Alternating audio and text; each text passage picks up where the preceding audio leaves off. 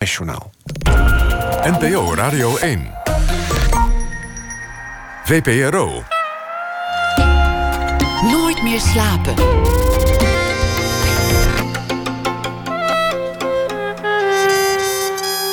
Met Pieter van der Wielen. Goedenacht en welkom bij Nooit meer slapen. Na één uur komt Gijs Bakker op bezoek.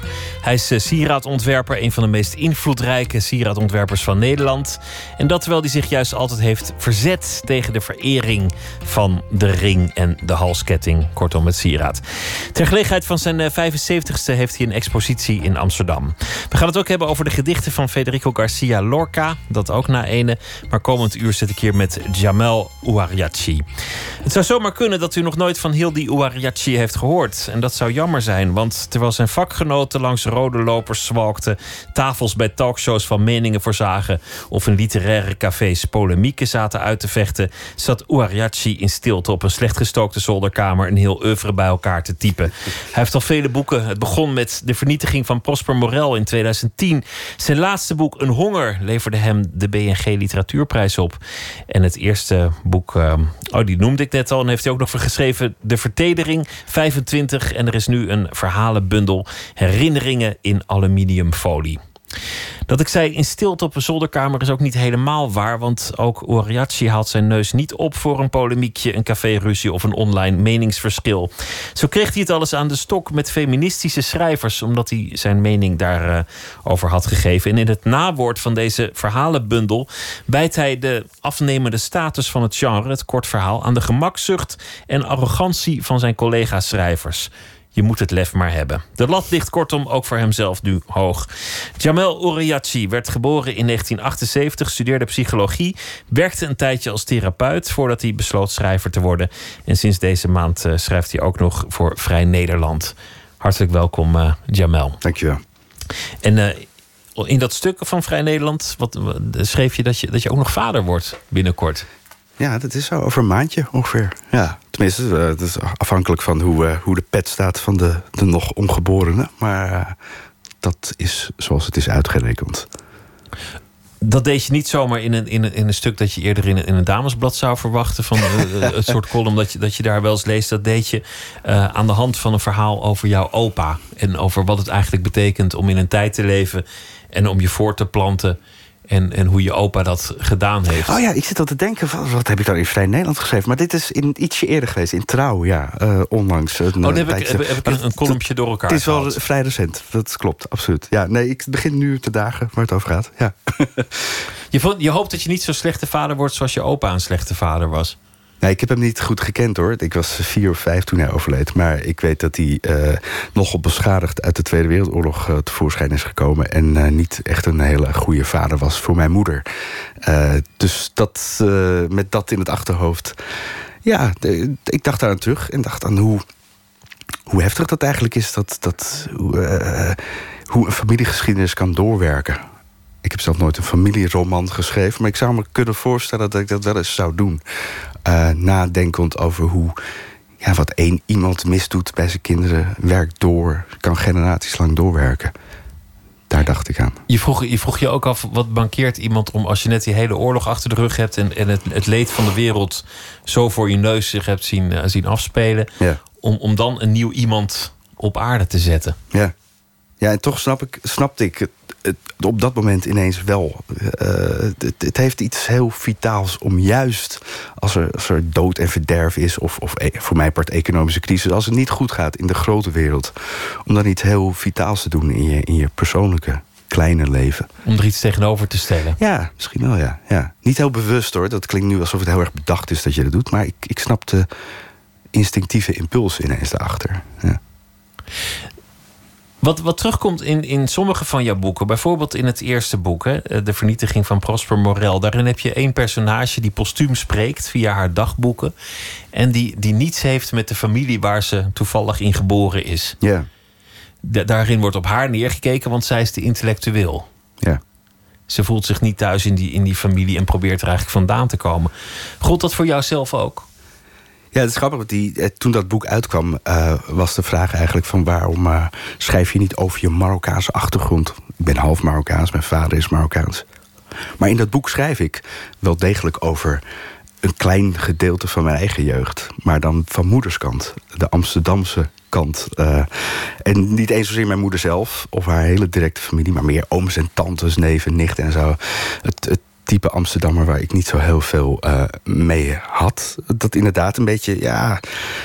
Een, een, kind dat graag leest de professor noemt of zo. Weet je wel, dat soort, soort minachting van de werkende klasse tegenover de elite wat, je nu, uh, wat nu eigenlijk dagelijks in het nieuws is. Maar... Terwijl de elite altijd zo enorm zijn best doet om niet op, op de, op de niet-elite of de, de, de niet-belezene neer te kijken. Ja, precies. Die minachting is wederzijds eigenlijk. Dus het, in ieder geval werkt hij die kant op. Ja.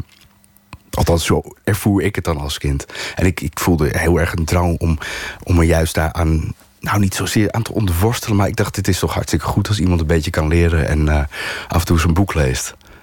Vanaf wanneer begon dat te spelen? Hoe oud was je toen, toen je dat merkte? Nou, dit, dit besef kwam denk ik een beetje uh, zo rond aan het... Dus de vroege puberteit, zou ik maar zeggen. Ik ging naar het gymnasium en, en dan...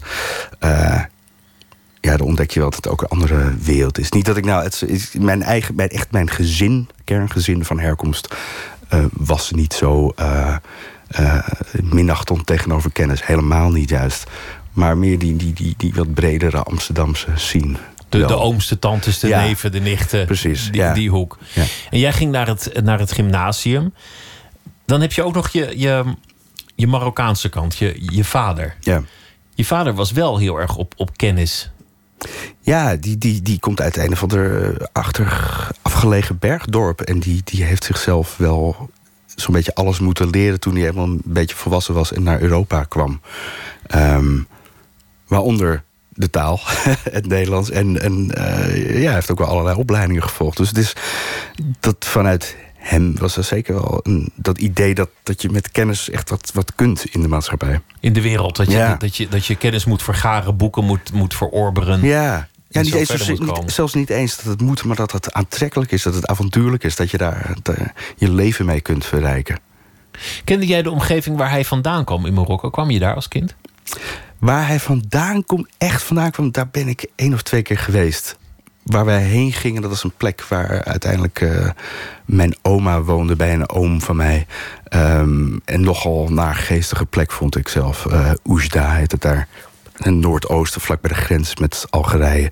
Droog, heet, armoedig. Uh, ik was er niet dol op, laat ik het zo zeggen, als kind. De familie, het was een hele lieve familie daar. Maar het, het, het, um, laat ik zeggen, de collectivistische cultuur... het altijd op elkaars lip zitten... Het, uh, de, de leefomgeving, de cultuur, de islam, de islam speelde ook een rol daarin. Dat beviel me allemaal niet. Je had niet op, op een of andere manier het gevoel dat het iets met jou te maken had als je daar was? Dat het ook jouw oorsprong of jouw cultuur was? Of, of... Nee, en dat is iets persoonlijks hoor. Want dat, dat had mijn zus wel veel sterker. Die, die voelde zich daar juist heel erg uh, thuis. En voelde dat als een soort warm bad, die familie daar. Ja, dat zal iets met, met karakter, temperament, uh, weet ik veel wat te maken hebben. Maar uh, voor mij. Er zaten absoluut leuke en aantrekkelijke kanten aan dat Marokkaanse leven. Maar het, het voelde niet alsof dat heel erg was wat bij mij paste. Was er een moment dat je dat realiseerde? Een soort moment van, van openbaring of van jezelf toegeven van... nee, dit, is echt niet, niet iets voor mij? Ja, het is iets geleidelijks. Maar het, voor mij was de, het doorslaggevende moment toen mijn oma overleed. Ik was 15 en uh, zij had een hele goede band met mijn Nederlandse moeder. Um, maar die mocht niet mee naar de begrafenis, want dat doen ze niet in islamitische landen. Daar gaan vrouwen niet mee naar de begrafenis. En dat, daar is ergens kort daarna iets geknakt bij mij. Dat ik dacht, wat, wat is dat toch een walgelijke, zieke uh, religie. Dat, dat iemand niet naar de begrafenis van de eigen moeder mag. Ja, omdat hij toevallig ja, schoonmoeder in dit geval. Ja, ja, ja. ja. Dat, ja dat, dat, dat kon het bij mij niet. En ik vond het zo inhumaan en, en ja, pervers. En nou ja, vrouwenvriendelijk wat het natuurlijk gewoon is. Uh, ja, het, het, dat heeft er eigenlijk voor gezorgd dat ik er nooit meer terug ben geweest sindsdien. Mede. Toen, toen heb je het ook achtergelaten. Je Ja, dacht, nou ja, ja. dat was het dan. Ja, toen jaren later hoorde ik van vrienden die dan uh, op vakantie gingen naar Marokko. Oh, zo'n leuk land. Ben je er zelf ook vaak geweest? Ik zei ja, vroeger, maar ik kom er niet meer. Ik haat het. En dat is wel minder geworden. Die haat is een beetje geleidelijk aan natuurlijk omgeslagen in nieuwsgierigheid nu weer. Uh, dat zal met mijn leeftijd te maken hebben. Maar uh, ik heb er een hele tijd lang niks mee te maken willen hebben. We kennen elkaar wel een, een beetje. V- Vluchtig hier en daar. En wel eens ontmoet. Ik heb eigenlijk nooit enige Marokkaanse achtergrond bij jou vermoed. Nee. Je, je hebt een wat andere naam, maar dat kan van alles zijn. Ja, Op geen enkele manier ooit jou met Marokko in verband gebracht. ja. Op, welke wijze dan ook. Nee, dat, dat speelde dus voor mij ook niet heel erg een rol. Behalve hey, ja, de, de kleine dingetjes dat we thuis wel eens couscous aten of zo. Nou ja, dat, dat, En mijn dat vader- meer mensen. Ja, het, het, speelt, het, de- het speelt misschien mee dat ik ben niet religieus opgevoed. Terwijl mijn vader in periodes wel moslim is geweest, maar ook wel af en toe eh, niet. eh, en mijn moeder sowieso niet religieus was. Ehm, dus er zat niet bij ons thuis niet heel erg een religieuze of een, of een Marokkaanse sfeer. Dat kwam ook omdat mijn moeder uit een eerder huwelijk kinderen had. Dus die volledig Nederlands waren. Dus het was allemaal een beetje, ja, om het allemaal bij elkaar te houden, was er toch een soort, ik denk, overheersend Nederlandse cultuur bij ons thuis. Maar goed, los van het gezin, Mhm. de- de vader en de moeder en, en, eh, en, en de, de broers en zussen, had je eigenlijk met de familie. Je vond het allemaal aardige mensen, maar je had niet echt iets met Marokko en ook echt niet iets met, met die kant van Amsterdam, van, van de samenleving. Nee, nou, de liefde is later... Of nou, liefde zou ik niet willen zeggen... maar ik ben het later wel wat meer gaan waarderen. Eh, de, Amsterdamse liefde kwam eigenlijk via een heel rare weg. Eh, ik ontdekte, toen ik 16 was of zo... een boekje van een, een knakker genaamd Haring Ari. Een Amsterdamse penose-figuur uit de jaren 30, 40, 50. Die heeft op zeker moment zijn memoires geschreven. In de jaren 60 was dat. En dat boekje, daar zit zo'n schitterend mooi Amsterdams. Is dat in, zo'n mooi Amsterdams is dat verteld. Dat zo ongeveer het halve Bargoense woordenboek is gebaseerd op dat boekje. Eh, zulke fantastische, uitgestorven Amsterdamse woorden. Die. Het, ineens ontdekte ik wat een ontzettende rijkdom dat, dat Amsterdams kon hebben. Ehm, het is wel een beetje uitgestorven, maar er begon iets te herleven van een soort liefde daarvoor. En pas veel later is dat ook een beetje met, met Marokko gekomen. Maar dat proces is echt nog gaande en in een vroeg stadium, geloof ik. Nog heel vers. Ja, Misschien ook Ja. om, om- omdat je zelf een aanstaande vader bent, dat, dat, dat je dat in een, in een langere lijn gaat zien of zo. ja, dat zou kunnen. Of het hangt samen, denk ik, dat, dat, dat allebei die dingen komen op een bepaalde leeftijd. Ik denk dat dit, deze herwaardering van Marokko al een jaar of drie, vier bezig is. Dus het, het hangt in de lucht blijkbaar. En dan wordt het sterker als er een kind aankomt. Toen je debuteerde als schrijver, werd er, werd er wel zachtjes naartoe gestuurd door deze en of gene van. Je gaat toch wel een boek schrijven over, over eh, je Marokkaanse oorsprong. Want er was een soort behoefte kennelijk Ja. die, die daarin vervuld moest Ik worden. weet het nog heel goed. Mijn eerste radio-interview eh, bij Radio Kunststof was dat over mijn debuutroman. En dat er na afloop reacties waren gekomen van luisteraars. En iemand zei: Het lijkt wel alsof hij elke vraag over zijn afkomst ontduikt. En zijn Marokkaans zijn niet wil, onder ogen wil zien. Maar dat, dat was helemaal niet zo. Ik was, het, dat hele boek ging daar gewoon niet over. Eh, Dus ik vond het een volstrekt irrelevant element. Ehm, en het is niet zo dat ik dat, die achtergrond ontken. Alleen het, ik vond op dat moment dat dat voor mijn literaire werk totaal niet relevant was. En dat heb ik een aantal boeken lang, is dat ook wel zo gebleven, denk ik. Maar volgens mij in deze verhalenbundel is het voor het eerst dat ik af en toe eens iets uit die geschiedenis naar boven haal. Maar ook niet heel veel. Impliciet, maar ja. Impliciet. Ja. Ja, dan heb je eigenlijk alleen de naam. En je, je werd een jongen op het gymnasium. Twee, twee grote interesses, toch al het schrijven. Maar ook de psychologie. Wat, wat altijd ook een grote rol in je, in je werk en leven heeft gespeeld. ja. Wanneer ging schrijven je interesseren? Hoe oud was je toen je voor het eerst iets opschreef? Ik weet het niet eens meer. Zo vroeg is dat eh, geweest. Oh, heel ik. snel. Ja, ik hoor van mijn moeder dat, ze, dat, ze, dat ik als klein kind al met een pennetje in de weer was, terwijl ik nog niet kon schrijven. Dus dat is natuurlijk mythologie achteraf. Ehm, maar het is wel zo. Ik, er zijn ik heb boekjes heeft mijn, hebben mijn ouders bewaard. van toen ik acht of negen was. Waar ik echt al een verhaal had geschreven. met een kafje eromheen en een logo van een uitgeverij erop getekend. Titel, auteursnaam. Eh, dus dat, er was een besef van dat dat iets was wat je kon doen. Een boek schrijven, een boek maken. Ja, zeker als je het uit, uitgeverij-logo erop zet, dan, dan Ja, heeft het al een soort vorm. ja. Ik kan me ook nog precies het moment herinneren. Het, het moet echt een kleuter zijn geweest. dat ik aan een, aan een lerares vroeg. die Jip en Janneke voorlas. of Pluk van de Pettenflat. Wat is dat ding aan de zijkant van het boek?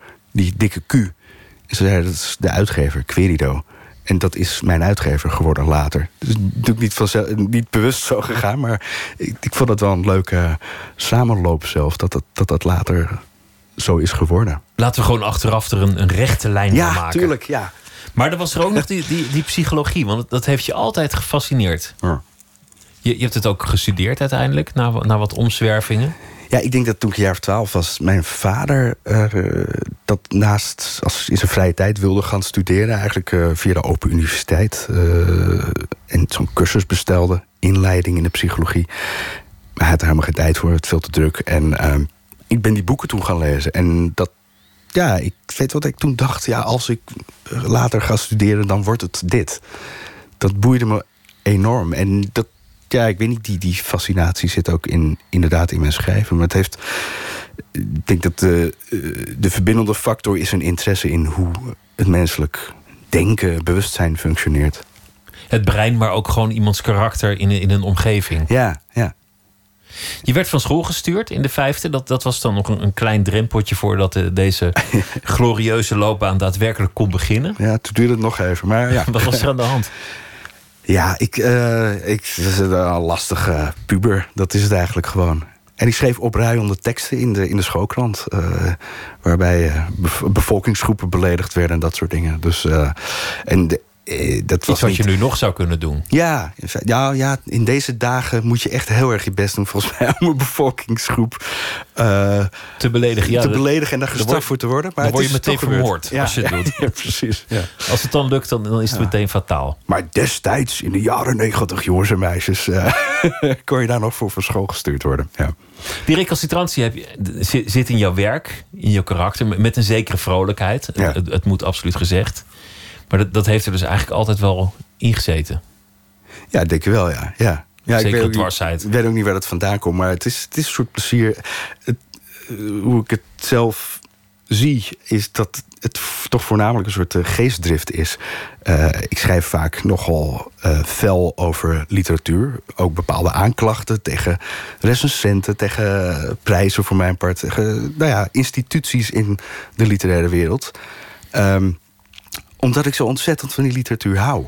Er zit nooit een soort cynisme of venijn of, of, of afgunst of iets, iets zuurs in. Voor mij is het altijd een. Ja, echt. Het komt altijd voort uit betrokkenheid en liefde bij dat vakgebied. Zoals je beste vriend ook de eerste zal zijn om je te bekritiseren als je een verkeerde afslag neemt. In zijn goed is wel, ja. ja. Je, je, werd, je ging psychologie studeren, ondanks de, de, de wat gefnuikte schoolcarrière. Hmm. En toen ben je, nog, ben je nog heel even therapeut geweest, online therapeut. Ja. Wat is dat? Ja, wat het eh, woord al zegt, het is ooit vanuit de UvA al in de jaren negentig begonnen om, om therapie te gaan geven via internet met schrijfopdrachten. En dat verschilt op zich niet zo heel erg veel van eh, normale cognitieve gedragstherapie, waarbij je ook vaak ehm, mensen opdrachten krijgen om thuis te gaan oefenen met iets en daar bij een volgend gesprek met hun therapeut verslag van te doen. Nou, dat verslag dat kun je ook schriftelijk indienen. En daar, eh, de therapeut kan ook weer schriftelijk op reageren. Dus dat, dat bleek heel erg effectief te zijn. Ehm, dus dat zijn ze voor steeds meer eh, psychische problemen gaan toepassen. En dat, dat, dat werk heb ik een tijdje gedaan, ja. ja. Dus mensen die hebben iets, nou ja, kan, kan van alles zijn, een, een- klacht. En dan moeten ze Ja. een boekje bijhouden en dat... Ja, heel, heel, concreet. Ik, eh, ik heb meegeholpen aan het ontwikkelen van een behandeling voor eetstoornissen. Stap 1 is dat mensen gewoon heel sec gaan bijhouden wat ze, wat ze eten op een dag. Inclusief de eetbuien die ze hebben als ze bulimia hebben bijvoorbeeld. En dan begin je een patroon te ontdekken. Of die mensen gaan het eigenlijk zelf ontdekken. En dan ga je op dat gedrag ingrijpen. Ehm, En dat deed je ja, ook dat- online, van achter je, je laptop. nou ja, kijk, die mensen moeten dat hoe dan ook zelf thuis doen, dat ingrijpen. Eh, ook een normale therapeut is er niet bij als zij eh, die eetdrang krijgen en eh, eh, 60 zakken chip naar binnen werken. Ehm, dus op dat moment staan ze alleen voor en moeten ze gaan ingrijpen. En je kan ze dan de technieken meegeven om daarmee om te gaan. En dat verschilt eigenlijk niet of je dat nou online doet of eh, of face-to-face. In je eerste roman kwamen meerdere therapeuten voor. En Ja. eh, ehm, het, het mooie was dat de, een van de personages, die postuum, het verhaal doet, doet dat via een dagboek. Dat lijkt al heel erg op die online therapie eigenlijk. Ja, bijna wel, ja. ja, ja. Het ging dan over rouw en, en geaccepteerd worden in een familie. En En, en zo nog een paar dingen. Ja, er is alleen niemand die haar stuurt, waardoor ze op nogal uh, ja, uh, zieke uh, ideeën komt om haar ja, artistieke ambities alsnog te verwezenlijken. Postuum toch nog een, een statement te maken. Ja, ja. En de therapeuten krijgen er ook op een leuke manier van langs. Want, want één wordt opgevoerd die coïtus-therapie heeft bedacht, waarbij hij alle patiënten ja. mag, mag bevrijden en bereiden. En uh, de ander die blijkt zelf van geen kant te deugen en eigenlijk ook wel een soort van misbruik te maken van zwakkeren. Het zijn, het zijn net mensen, ja. Je maakt er een mooie doelgroep van. Ja, dat is ook wel zo. Ja, het, achteraf heb ik gedacht, volgens mij was ik me op met, dat, met, dat, met die debuutroman aan het ontworstelen aan dat therapeutenbestaan. Terwijl ik het nog steeds een fantastisch mooi vakgebied vind hoor. En uh, daarom blijf ik er ook wel over schrijven. Maar um, ja, het was in dat verhaal nodig om toch vooral de ontsporende figuren te laten zien. Vooral omdat therapeuten nogal wat macht hebben. Het is uh, de relatie die je met iemand opbouwt. En dan maakt het eigenlijk niet echt uit of je elkaar nou ziet of uh, via een internetverbinding contact hebt. Ehm, je hebt een hele intieme relatie. Je weet veel van die ander. En die ander, die cliënt of patiënt, die geeft zich toch een beetje aan jou als therapeut over. Die denkt dat jij wel weet hoe het moet. En vertrouwt daarop. Maar je bent schrijver, dat is ja. de wereld van de fantasie, van, van het maken van een mooi verhaal. Dan, dan zul je toch ook af en toe teleurgesteld zijn in de werkelijkheid van je patiënten. als ze gewoon weer die vreedbui hebben. terwijl het zo'n mooi verhaal had kunnen worden. als het nou net eens anders was gegaan. Ging je, ging je daarop doorfantaseren? Nee, ik denk dat mijn uh, interesse zat. volgens mij, zoals die er ook bij de literatuur zit. Is, zat in de details. En daardoor was het niet snel vervelend of zo, zo'n patiënt behandelen. Dat ik niet dacht van, oh, dan gaan we weer met, met dit of dat. Dat hadden de honderd patiënten hiervoor ook al precies zo. Want het is nooit precies zo. Het was elke keer anders. En het paste altijd helemaal binnen iemands levensverhaal... hoe die klachten zich tot uiting kwamen. Uh, dus nee, in de details zat juist uh, uh, het interessante. Dat doe je nog steeds als schrijver. In de details iemands psyche helemaal gaan, gaan uitvogelen met, met, met een enorm empathie. Je eigen creaties on, onder ogen zien. Ja. Waardoor je uiteindelijk ook met, met, met bijna zachtaardig begrip kunt schrijven over, nou ja, een, zoals in je vorige boek, een pedofiel. Ja. Om helemaal duidelijk te maken wat iemand drijft. Nou, in dit boek gebeuren ook de gruwelijkste dingen. Is, is dat eigenlijk ook voortzetting van psychologie met andere middelen? Ja, dat zou je kunnen zeggen. Ja, de, de psycho in de psychologie streef je natuurlijk toch voornamelijk naar een. Uh, is de richting positief? Je hoopt dat iemand beter wordt na zo'n proces. Uh, terwijl dat is niet per se mijn bedoeling met het schrijven van een roman of je mag verhaal. Het, mag het nu eens voluit mis laten gaan? Ja, dat mag. Hoewel ik niet per se het soort schrijver ben dat uh, van hele slechte eindes houdt.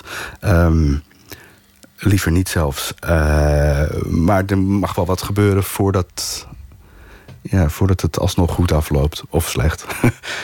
En je kunt natuurlijk ook gedachten loslaten die, die een wetenschappelijk geschoold therapeut niet zou mogen ventileren. Zoals de, de titel Herinneringen in aluminiumfolie. Dat, dat gaat over het brein, ja. het orgaan, de, de, de menselijke hersenen. Wat als je die zou kunnen afluisteren?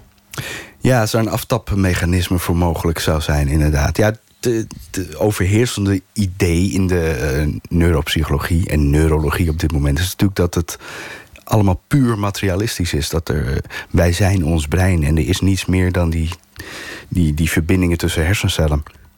Um, maar voor mij is dat een soort beginpunt. Uh, het is niet het eindpunt van de wetenschap. Het is het beginpunt van nieuwe vragen. Van, er is nog zoveel onopgelost dan. Van waar zitten herinneringen dan? Hoe zien die er precies uit? Uh, kun, kun je dat inderdaad meten? Kun je dat zien op een of andere manier? Een manier die wij misschien nog niet ontdekt hebben. Uh, de vergelijking wordt in dat verhaal gemaakt met röntgenstraling. Uh, dat is ook een, een, vorm van straling die men eerst niet kende. Dus ook de toepassing daarvan niet kende. En misschien zijn er meer van dat soort concepten te bedenken. Um, waardoor we kennis kunnen vergaren. Die we op dit moment niet bezitten. En dat, dat je de afloop nu... andermans leven zou kunnen terugzien. Dat zou ja, toch mooi zijn? En, en, als je wetenschapper bent, dan is dat inderdaad meteen al te zweverig of te vaag of te, te weinig concreet. Maar in fictie kun je al dat soort uh, ja, invallen verkennen. En tot, het, uh, ja, tot in het absolute concrete doorvoeren. We gaan uh, luisteren naar Thomas Diepdal, want deze maand verschijnt een album van The Noor, The Great Plains. En daarop staat dit nummer Moving Pictures.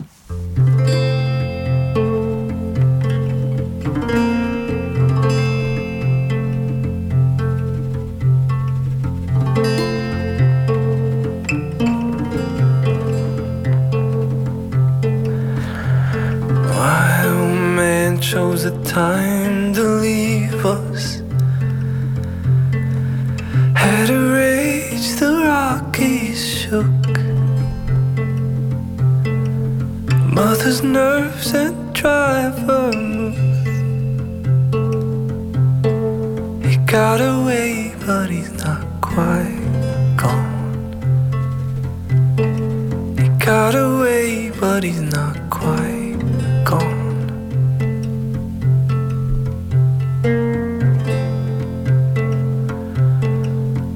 Across our lake from the western shore.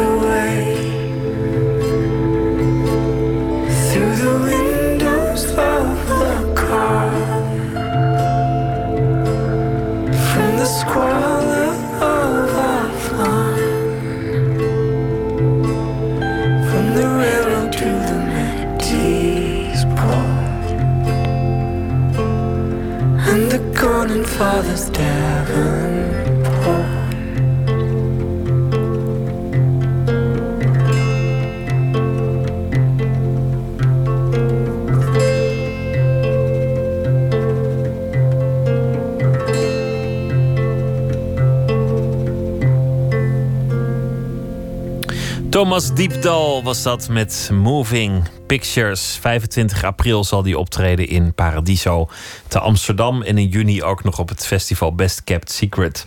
Nooit meer slapen in gesprek, in gesprek met uh, Jamel Ouariachi... naar aanleiding van zijn verhalenboek Herinneringen in aluminiumfolie. Met een uh, nawoord, Mhm. niet een voorwoord, maar een nawoord. De schuld van de schrijvers. En daarin verklaar je op uh, bondige wijze hoe toch kan dat het kort verhaal zo'n impopulair genre geworden is. Dat, Ja. dat het niet verkoopt. Dat uitgevers. eh, nou, eigenlijk ook niet om heel erg om te springen om er nog eentje uit te brengen, zo- zo'n bundel. Ja. En dan zeg je, ja, het komt omdat dat ze vaak ook gewoon helemaal niet goed zijn. Er wordt ook niet hard aan gewerkt. Ja, er zijn heel veel initiatieven om dat toch eh, de lezers ervan te overtuigen dat het echt wel een schitterend genre is, het korte verhaal. En eh, nou, de, de Biesheuvelprijs is een voorbeeld van de week van het korte verhaal. Het zijn allemaal hele mooie initiatieven, vind ik. Alleen, eh, ik weet niet of het wel de lezer is die het niet ziet. Ik denk dat de lezer heel goed ziet dat het best wel een rukgenre is over het algemeen. En er zijn, nu dat, nu dat boek uit is, merk ik aan reacties op dat nawoord dat eigenlijk wel heel veel mensen dat vinden. Dat ze, ja, wanneer ga je naar de winkel voor een korte verhalenbundel? Dat doen toch heel weinig mensen, omdat er iets is aan die verhalen zoals in Nederland worden geschreven door veel schrijvers. Er zijn uitzonderingen. Ehm, er is iets aan wat zo ontzettend onbevredigend is. Ehm, en ik probeer een beetje in dat nawoord te verkennen wat dat dan is. Ehm, en een, een van de dingen is dat ik vind dat schrijvers eh, de lezer nogal minacht. Door zich een beetje ja, er makkelijk van af te maken. Wat je, wat je schrijft is eigenlijk... iemand wordt gevraagd voor een, voor een, een gelegenheid. Ja. Er komt een tentoonstelling van een vergeten aquarelkunstenaar. Ja. En eh, dan wordt gevraagd... wil jij een verhaal schrijven dat past bij die tentoonstelling? Oh, het kan iets anders zijn. De, de, de visserijvereniging bestaat 100 jaar, wil je een verhaal schrijven? en zo'n opdrachtje, daar begint natuurlijk altijd veel te laat. Dan is er een deadline en er wordt ook toch niet heel goed voor betaald. En ze denken, ach, wie zal dat nou lezen? En dan heb je een stapel van die verhalen... en die komen dan in zo'n boek Ja. met twintig van die verhalen. En dat is dan een van de redenen waarom ze gewoon niet zo goed zijn. Ja, dat is eigenlijk eh, min of meer eh, samengevat hoe het werkt. Ja. En er is niet één schrijver die dan tegen jou zegt... eh Jamal, Jezus, wat Tot- schrijf je nou toch allemaal? Nou, tot nu toe niet. Nee, nee. Ik wel, denk dat er wel een paar beledigd zullen zijn. En een paar ook denken... Jezus, vuile klokkenluider. Jij je vertelt, hangt er Een klokkenluider in de literatuur. zit. Ja, ja. Want het is echt wel behoorlijk wijd, ja, wijd verbreid, hoor, dit, eh, dit fenomeen. Eh, of eh, schrijvers die gewoon een flart van een roman... waar ze toevallig aan bezig zijn, inleveren als kort verhaal. Dat is geen kort verhaal. Dat is een flart van een roman. Maar die dan wel het bedrag daarvoor eh, incasseren. Wat ik heel creatief vind, maar je neemt het korte verhaal dan niet serieus als genre. En dan kun je ook niet verwachten dat lezers dat serieus gaan nemen. En dat merk je dus ook echt, dat dat, dat zeer impopulair is. Je moet het ook maar durven om, om, om in je bundel zo'n zo'n aanklacht te schrijven. Want de lat voor jezelf ligt natuurlijk meteen twee keer hoger. Ja, het is natuurlijk wel van, eh, wat bak je er zelf van, eh Wariashi? Wat, Ja, ja, Ja. Kom, eens, kom eens door dan. ja. Ja met je daarom is het ook een nawoord. Nee, Geen voorwoord, heel verstandig. Ja. Je had ook een keer geschreven eh, een, een, een, een wel, wel aardig stuk over de ergernis over het feminisme. Ja. Het was deze week ook weer een, een, een bericht dat wij ook hier in, eh, in dit programma hebben behandeld over de, de lezeres des vaderlands. Ja. Die, die dan het eh feminine gehalte van de literatuur op peil wil houden. Ja. En je, je, je ventileerde je, eigen, je ergernis daarover met nou ja, ongezouten termen. Ja, hoe het, hoe vooral zit is dat die, de, elke paar maanden komt er iemand in een of ander tijdschrift met de constatering: eh, vrouwen winnen minder literaire prijzen of eh, hun boeken worden minder gerecenseerd dan boeken van mannen. En het is echt al jaren aan de gang. En toevallig is het nu net het afgelopen jaar dat deze lezeres des vaderlands dat elke week is gaan bijhouden in Nederlandse kranten en tijdschriften. Het is volgens mij een collectief van vrouwen die dat bij zijn gaan houden. Ehm, ik vind dat het is geteld op de verkeerde plek. Want eh, het aantal boeken geschreven door vrouwen is gewoon lager dan dat door mannen. Ehm, dus de scheve verhouding begint al bij uitgevers.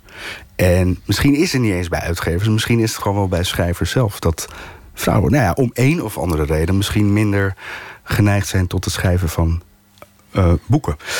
En dan ben je natuurlijk meteen al een verschrikkelijke seksist op het moment dat je dit zegt. Maar ik heb psychologie gestudeerd en eh, daar was de verhouding eh, studenten precies andersom. Je had ongeveer twee derde vrouwen en een derde man.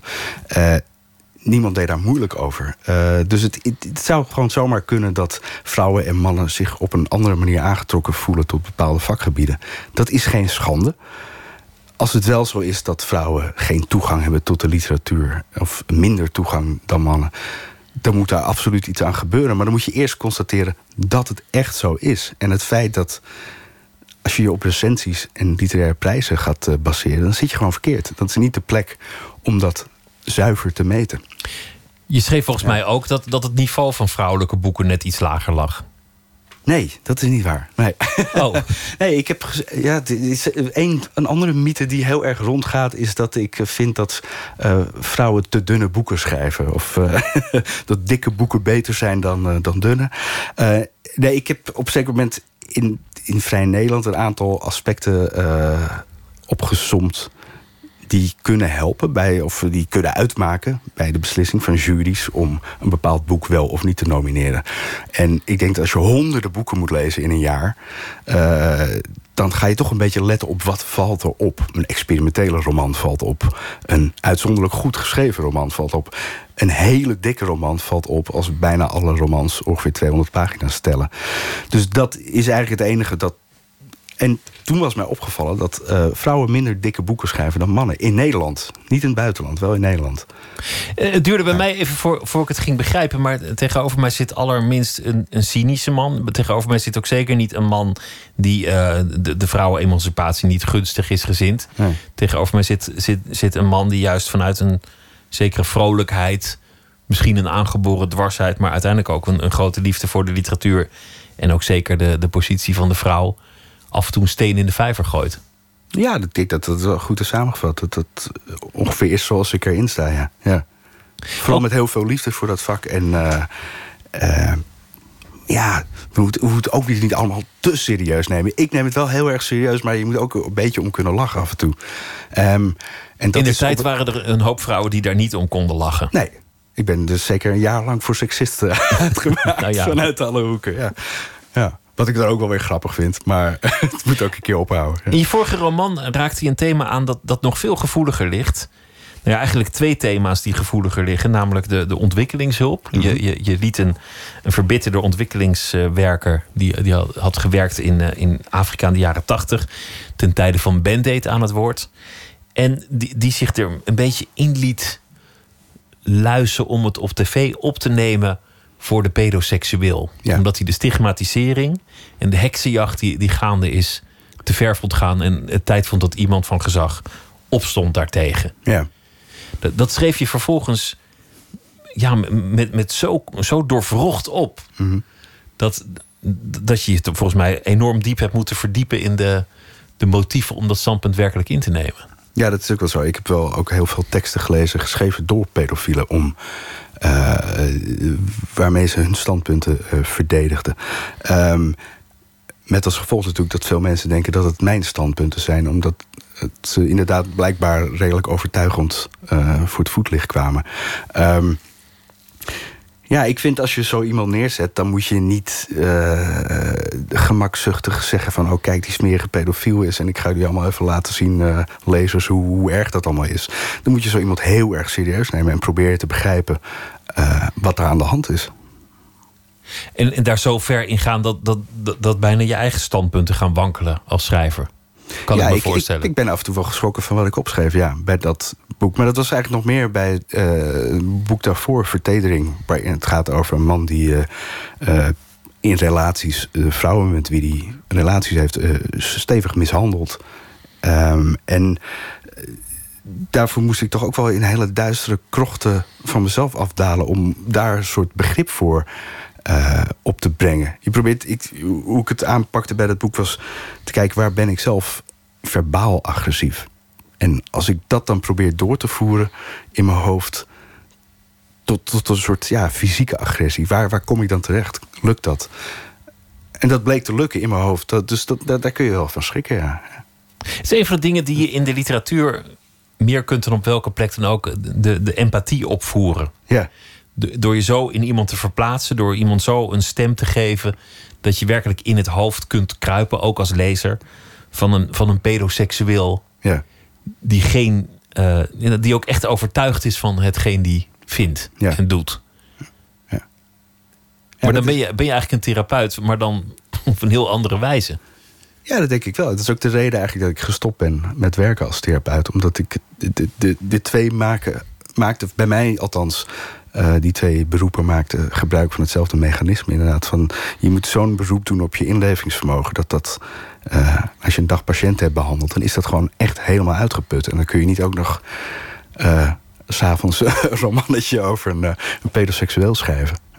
Al jouw, al jouw inlevingsvermogen, al jouw denkkracht en kennis heb je nodig voor je personages. Ja, blijkbaar werkt het bij mij zo, ja. ja ik, zal niet zeggen dat het voor elke schrijver zo gaat. Er zijn volgens, volgens mij best wel wat schrijvers die psycholoog of psychiater zijn en literair schrijver. Dus eh, voor sommigen is het blijkbaar wel te combineren op een of andere manier. Je liefde voor het kortverhaal en, en dit boek. Herinneringen in aluminiumfolie. Alles wat, wat, wat bij jou hoort, komt erin naar voren. Ja. Ook altijd een zekere mate van gruwelijkheid. In een aantal verhalen wordt, wordt het lekker wrang, bloederig en, en hardvochtig. Ja. Ja, dat, ik moet zeggen dat toen... Dat ik ook een beetje verbaasd over was toen ik het allemaal zo bij elkaar zag, die verhalen. Dat dat zo'n verbindende factor was. Maar het heeft ook wel mee te maken, denk ik, dat eh, een aantal van die verhalen toch in opdracht is geschreven. Dus zo'n verzoek, eh, een verzoek kwam bijvoorbeeld van een, was een boek gewijd aan uh, een Jeroen Bos tentoonstelling. Nou ja, als dat het uitgangspunt is, de tuin der lusten van Jeroen Bos, dan, dan ga je al in een iets wat perverse richting denken. Een ander verhaal was uh, geschreven op verzoek van een Halloween horror verhalenbundel.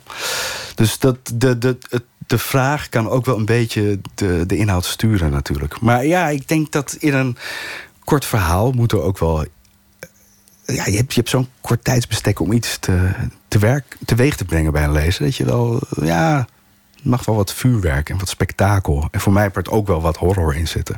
Het werd dan vergeleken met Roald Dahl. Ja. Uh, en ik, ik begreep die vergelijking wel, eerlijk gezegd. Ja, ik ook. Heel erg. Ja, ik vond het heel goed getroffen. Omdat uh, het, het, bij het schrijven van die verhalen heb ik daar nooit aan gedacht. Maar bij het schrijven van nawoord grappig genoeg wel. Omdat ik toen dacht, wat, zijn nou de, wat vind ik nou echt de goede korte verhalenschrijvers? Volgens mij noem ik hem niet. Uh, heb ik andere voorbeelden. Maar dat was echt iemand die op vrij jonge leeftijd, ik denk jaar of 12, 13, dat ik die volwassen verhalen van hem ben gaan lezen. In Kiss Kiss en die dingen over Uncle Oswald. Die hele ijzersterke verhalen. twist zit erin. Ja, maar er zit ook absoluut, iets in, ja. in van de verteller. De, de man die bij het kampvuur een mooi verhaal vertelt. Ja. Dat, dat is een, een, opvatting over wat het zou kunnen zijn. En wat het in zijn mooiste vorm ook zou moeten zijn, volgens mij. Ja, dat denk ik wel. Ja. Ja, vooral omdat het is ook heel raar eigenlijk dat korte verhalen nu zo impopulair zijn. Want het zijn door de hele menselijke geschiedenis heen. Die wij kennen althans, de geschreven geschiedenis. Uh, is dat een populair genre geweest? Nou, dus kijk naar die collecties zoals de Duizend één Nacht, de Canterbury Tales, de Decamerone. Dat is zoiets wezenlijks voor mensen om elkaar verhalen te vertellen. Het is eigenlijk heel raar dat wij dat nu niet hebben. Of dat wij liever romans lezen. Die hele lange verhalen die je nooit in één dag kunt uh, uitlezen eigenlijk, over het algemeen. Je werd uh, een, een, postje uitgemaakt voor Vrouwenhater, wat, wat een onrechte was. In, in, in deze bundel, ik kon er niet op letten om, om er als een soort uh, lezeres des vaderlands op te letten. Maar de vrouwen winnen. Ja mocht er een gewelddadige confrontatie komen, dan, dan is de man eigenlijk dom. En, en die domheid die keert zich ook tegen hem. En de vrouw Ja. is de man te slim af. Ja. En rekent met hem af. Ja, dat is ook absoluut zo. Ik, ik zie daar toch wel, ja, dat is wel een beetje hoe ik naar vrouwen en mannen kijk. Ja. En dat staat wat mij betreft los van zo'n gevalletje als met de lezeres des vaderlands. En dat durven, dat vind ik gewoon een hele slechte onderzoeksmethode. Ehm, dat betekent niet dat ik vind dat de, de, de verhouding man-vrouw heel zuiver is. Hoewel het in Nederland nog behoorlijk meevalt. Maar eh, in bijna elk ander land ter wereld is het nog veel erger dan hier. Maar vrouwen zijn slimmer. Eh, misschien zijn mannen dommer. Ik weet niet of. eh, dat, is toch een verschil volgens mij. Dat is een nuanceverschil, ja. Er zit een soort. eh stomzinnige koppigheid of zo. Of, of ja, botte onoplettendheid in mannen. Zelfs mannen die het goed bedoelen. Waardoor ze niet doorhebben wat ze vrouwen aandoen, volgens mij. Je, je beschrijft één uit de hand gelopen date. Ik zal, ik zal het verhaal niet, niet weggeven, maar het, het- de, de, de vrouw die, Ja, die, die neemt wraak op een manier die, die nou ja, buitengewoon elegant is en buitengewoon bloederig. ja, Heel mooi. Er staat ook in een, een verhaal over de toeristenslager. ja. Een, een urban myth dat in Amsterdam toeristen worden geslacht, verwerkt en uiteindelijk weer aan de toeristen worden gevoerd. ja. Komt dat voort uit irritatie als Amsterdammer over de enorme toestroom van Airbnb-verblijven? Ja, deels wel. En deels was het ook dat juist de andere kant ervan. eh, ik was vorig jaar eh, kwam ik terug van vakantie, een lange vakantie. En eh, op Schiphol was er meteen de, de taximafia. En ehm, ik zag ook in, in Amsterdam op straat. Ik was, ik was op Sicilië geweest. En onder meer in Palermo. En daar is het zo. Het is een verschrikkelijk chaotische, drukke stad. Maar als je wil oversteken, je gaat gewoon lopen. En auto's stoppen wel of ze rijden om je heen. Er is een soort gemoedelijke charme in dat verkeer. We hebben geen regels, maar we doen allemaal wat, maar we houden wel een beetje rekening met elkaar. En in Nederland heb je dan eh, zeker in Amsterdam, van die, van die fietsers die gewoon... Het kan me niet schelen, toerist, dat jij nu oversteekt... want je zit fout volgens de regels. Ik sta in mijn recht, dus ik ga jou nu gewoon aanrijden. En ineens zag ik dus met de blik van een toerist... hoe, hoe uh, naar wij Amsterdammers uh, met uh, toeristen omgaan. Maar ja, een week later was ik zelf natuurlijk weer gewoon gewend... aan het terug zijn in Amsterdam. En zat ik op de fiets, stapte een toerist op het fietspad... en dan zit je ook weer te vloeken van fucking toerist, dit en dat. Dus ik wilde die twee kanten van dat, ja, toch probleem dat niet alleen in Amsterdam speelt, maar in alle grote wereldsteden natuurlijk waar veel toerisme is van, van die twee kanten belichten. Iemand, die, iemand die zijn eigen leefomgeving terug wil veroveren op de toerist. Ja, die, ja. die er vanaf wil zijn. Ja. Het, is, het, is, eigenlijk een dagelijks gegeven dat, dat je gewoon opblaast. Je, je, je gaat gewoon denken, wat, hoe zou het extremer kunnen? Ja. Wat, wat, is de, wat is de volgende stap en wat is de stap daarna? En dan, dan ben je volgens mij al bij het, bij het slachten van toeristen en ze voeren aan andere toeristen. Ja, want we kunnen het er nu wel gewoon heel beschaafd over hebben. Maar uh, volgens mij is het bij heel veel mensen zo dat als je in de kroeg met elkaar zit te praten en het over toeristen hebt, dat je van die dingen zegt als Jezus, als ik dan op de fiets zit, dan zou ik ze met de mitrailleur allemaal af willen maaien. En um, dat doe je natuurlijk niet. Maar in een verhaal kun je het iemand wel zoiets laten doen. Uh, die, die, die opgekropte agressie ook daadwerkelijk zo, zo ziek mogelijk laten uiten. Ja. Wonderlijk is als je in een stad komt waar, waar recent daarvoor iets ergs is gebeurd, liefst een terroristische aanslag, dan is het helemaal omgedraaid. Dan zijn mensen, de toeristen, dankbaar. Die paar die nog komen, ja. die worden dan ook heel erg uitvoerig bedankt. Wat ja. fijn dat je toch gekomen bent. Ja, blijkbaar. Ja. vind, ik, vind ik ook wonderlijk. Het is, het is maar een, een advies voor de reiziger. Julia Jacqueline, een Australische singer-songwriter. En uh, we gaan luisteren naar een nummer dat heet Pool Party.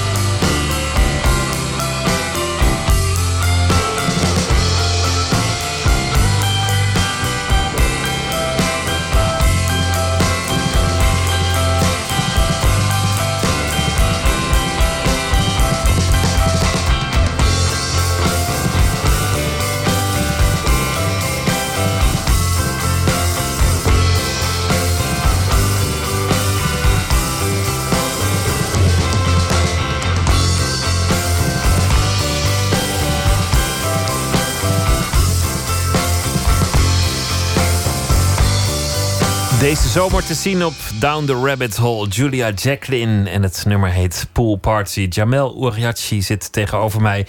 Herinneringen in aluminiumfolie is uh, de titel van het uh, boek met korte verhalen. En uh, gaat bijvoorbeeld over een man die zijn hele leven droomt van het bouwen van een brug in een stad die is verdeeld tussen Noord en Zuid. En waar wel een tunnel is, maar die tunnel die staat altijd vast. Eigenlijk gewoon Amsterdam, maar dan nog iets extremer. Zeker de afgelopen zomers, als er altijd werd gewerkt aan die tunnels. Ja, het idee kwam tijdens een, een uitstapje naar uh, Vlaanderen, waar ik een optreden gaf. En uh, ik moest daarna terug naar Antwerpen. De organisator van het optreden gaf me een lift en nam een verkeerde afslag in Antwerpen. En we kwamen terecht in een tunnel die de, de Konijnenpijp heet, geloof ik. Um, een oude tunnel die inderdaad van de ene kant van de Schelde naar de andere voert. En daar aan de andere kant was zo'n treurig, troosteloos gebied ontstaan.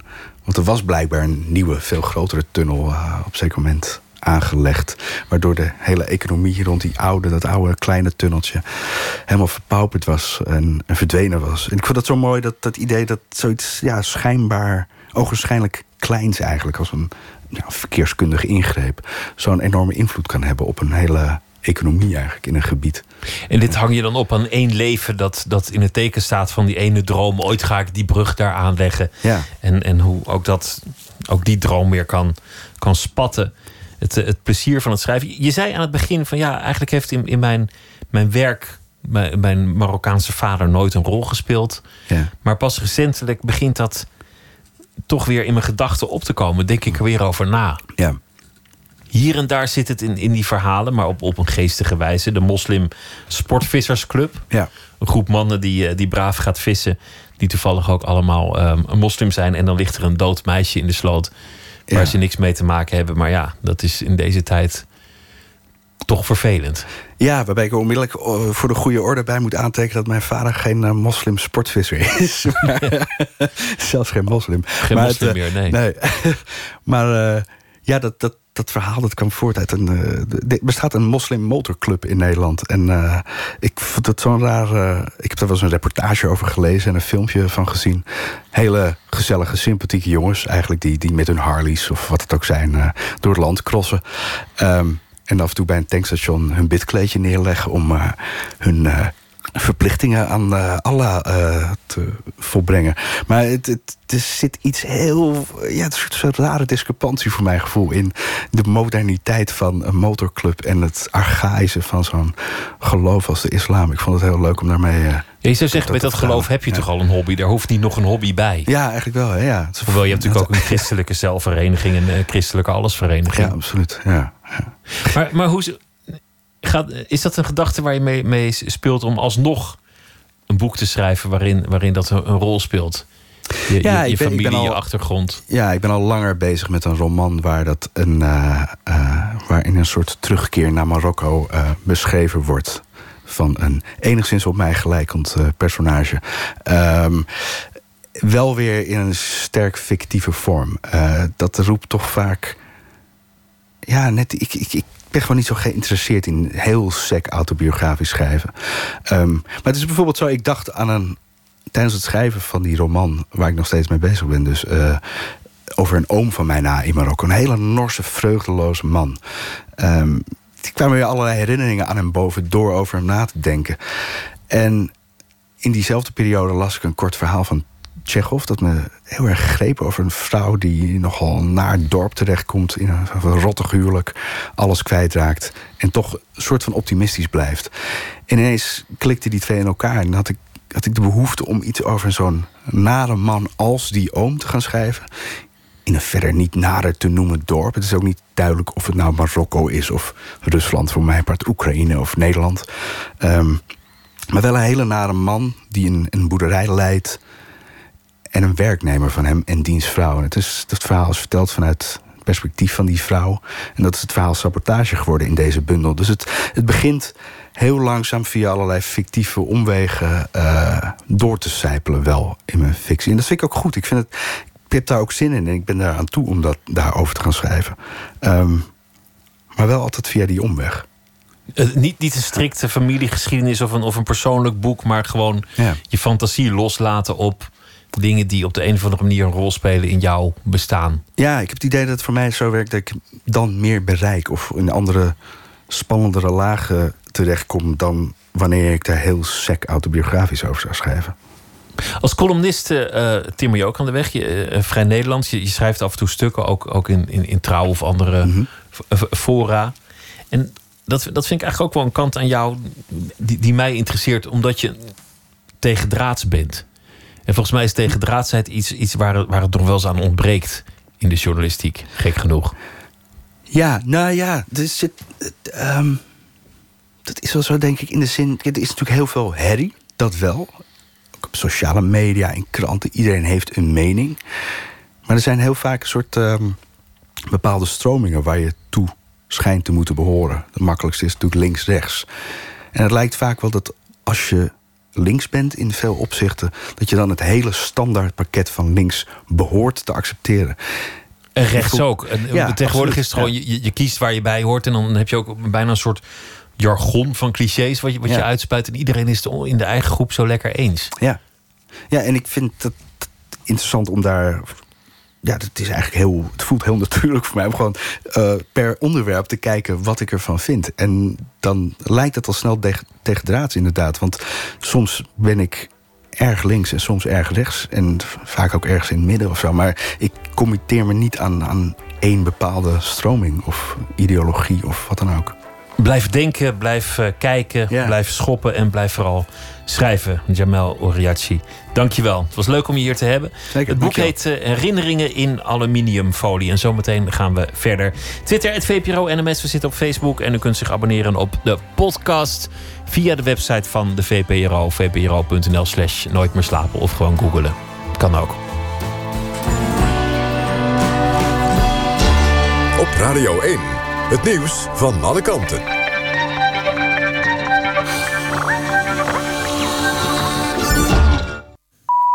1 uur, Mark Visser met het NOS-journaal. Voor het einde van volgende maand is 4,4 miljard dollar nodig... vanwege een dreigende hongersnood in Afrika. Dat zegt staatssecretaris-generaal Guterres van de Verenigde Naties. Tot nu toe is er maar 90 miljoen dollar gedoneerd. Volgens de VN dreigt voor meer dan 20 miljoen mensen in Nigeria... Somalië, Zuid-Soedan en Jemen binnen een half jaar hongersnood. Vorige week werd in delen van Zuid-Soedan al hongersnood uitgeroepen. Daar hebben honderdduizend mensen een ernstig gebrek aan voedsel. De gemeente Baarn heeft besloten dat de rubberkorrels op kunstgrasvelden op kosten van de gemeente worden vervangen. Dat meldt RTV Utrecht. Volgens de gemeenteraad staat niet vast dat de rubberkorrels op de kunstgrasvelden veilig zijn. Zijn zorgen over de rubberkorrels sinds een uitzending van het televisieprogramma Zembla. In december concludeerde het RIVM dat spelen op kunstgras wel veilig is... maar de gemeente Baarn neemt het zekere voor het onzekere. Het grootste vrijhandelsverdrag dat de Wereldhandelsorganisatie ooit heeft gesloten... kan in werking treden. Met ratificatie door Tjaad, Rwanda, Jordanië en Oman... is het akkoord nu door 110 landen bekrachtigd. Daarmee is de vereiste tweederde meerderheid van de 164 WTO-leden gehaald. Volgens de WTO levert het verdrag de wereldeconomie zo'n 950 miljard euro op... en 20 miljoen banen. Voetbal dan. In de achtste finales van de Champions League... heeft Juventus de uitwedstrijd tegen Porto met 2-0 gewonnen. En de Spaanse Sevilla won thuis met 2-1... van de Engelse kampioen Leicester City. Returns zijn over drie weken. Het weer. Vannacht blijft het af en toe regenen. Tegen de ochtend neemt de wind toe. En morgen overdag stormt het langs de kust. Tot diep landinwaarts komen zware tot zeer zware windstoten voor. Middagtemperatuur ongeveer 10 graden. Dit was het NOS Journaal. NPO Radio 1. VPRO. Nooit meer slapen.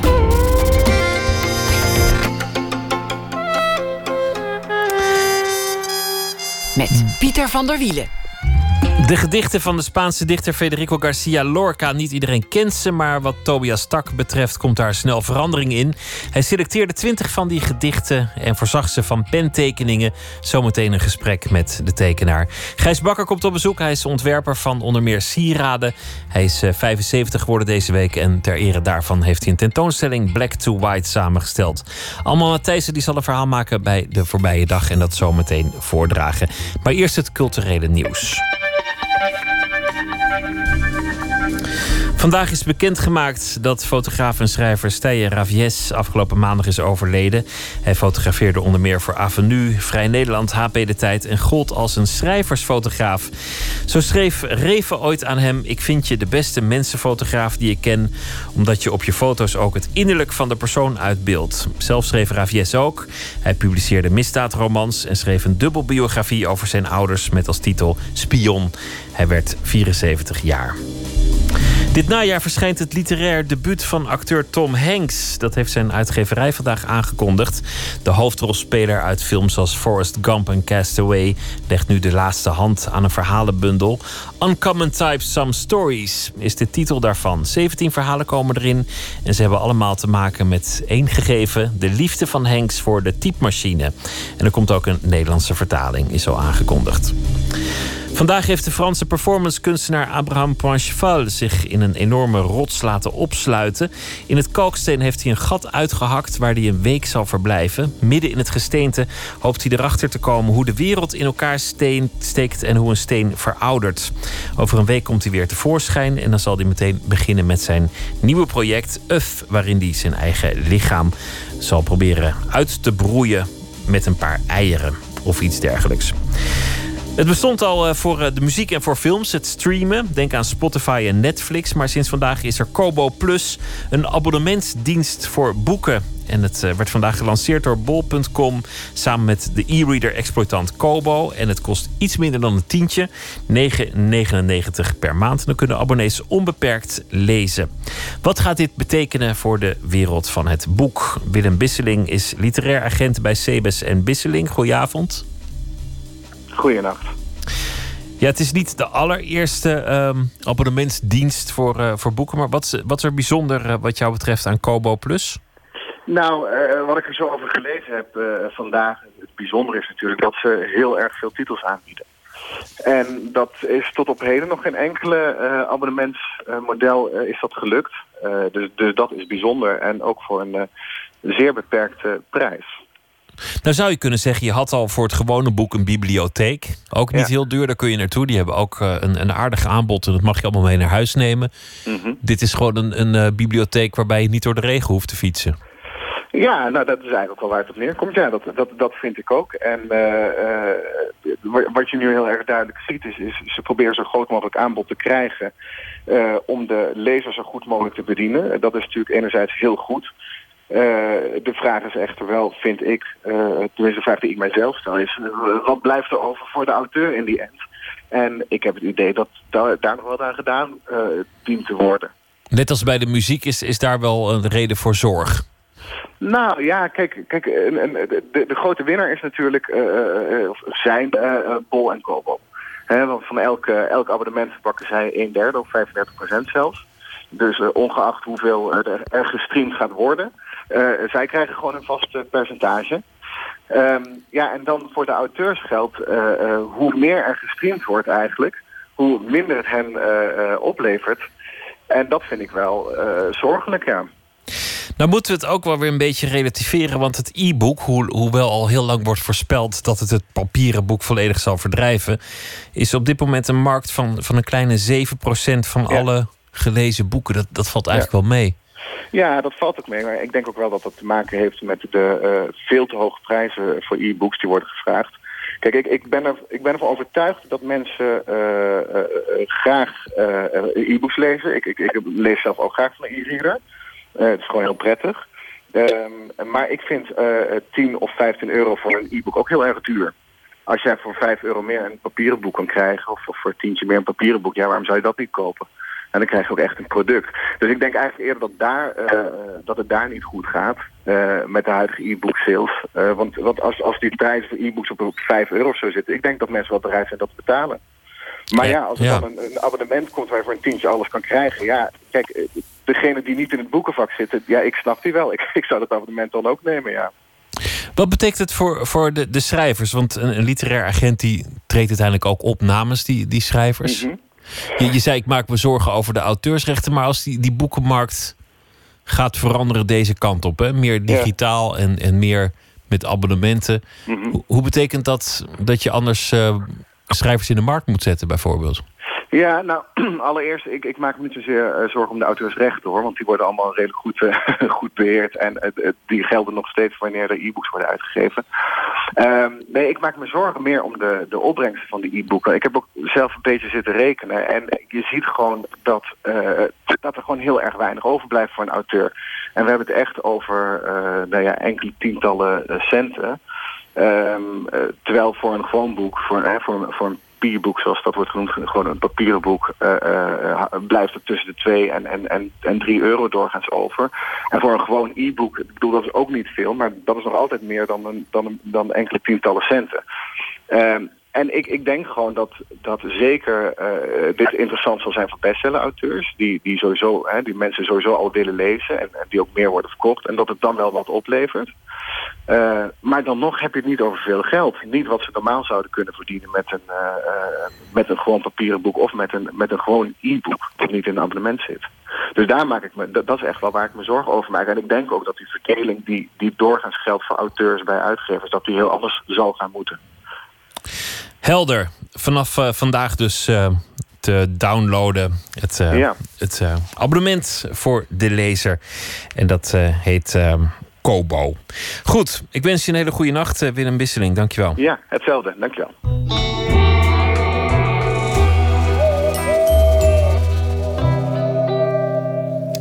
Van de groep Fink verschijnt binnenkort een nieuw album. Sunday Nights Blues Cup Volume 1. En dit nummer heet Cold Feet.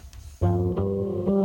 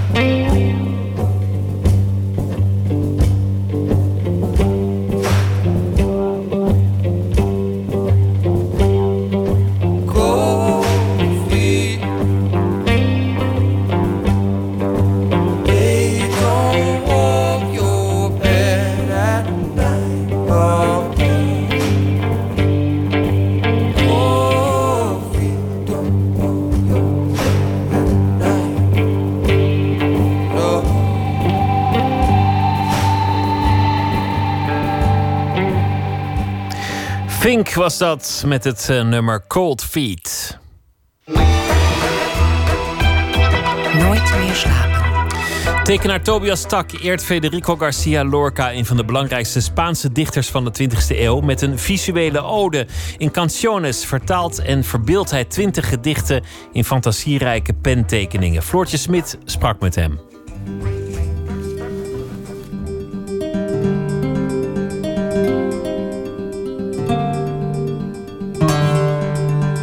In der tijd zei Hansje Joustra, die is dus de uitgever van, voor Scratch... We gaan een, je moet een boek gaan vinden of een schrijver... die je in een uh, stripvorm zou kunnen gieten... waar je een graphic novel van zou kunnen maken. En uh, ga maar zoeken.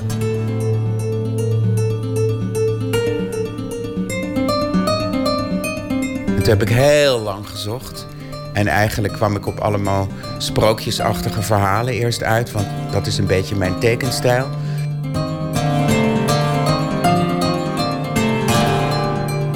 En op een dag, toevallig in Londen, waar ik woon, in uh, grote boekwinkel Foyles, uh, zag ik de gedichten van Lorca.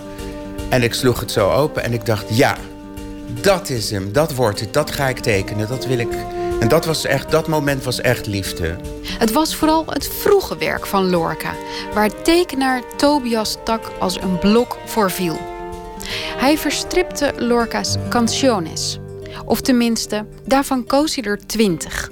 Canciones hebben een soort simpelheid. Ze zijn heel lyrisch, maar ook simpel. En ze doen je denken aan soms aan kinderliedjes, ballades. En ze zijn ook geïnspireerd op de, ja, dat heet de cantegondo. En dat, uh, de cantegondo is eigenlijk um, een hele oude vorm in de Spaanse literatuur van de, de teksten van de zigeuner, um, flamenco en zigeunerliedjes. Dus, dus die, die canciones die ik heb getekend, de songs, die hebben die simpele vorm. Ze zijn vrij kort en ze hebben iets heel puurs. Dus deze spraken mij gewoon aan door hun puurheid, simpelheid, beknoptheid en de lyrische, het lyrische gevoel wat je erbij krijgt. Wacht, dit is misschien nog te ingewikkeld. Beter idee. Eerst moeten we Lorca horen. Um, ja. Even kijken hoor, de mooiste tekst. Ja, ze zijn allemaal mooi. Ik weet het niet. Ze zijn allemaal mooi. Met Lorca kan je niet uh, fout gaan bijna. Hij schreef ontzettend veel kladjes, gooide heel veel weg. Was altijd heel lang aan het werken en soms bleven er maar zes regels over. Maar hij was heel precies over zijn editing. En,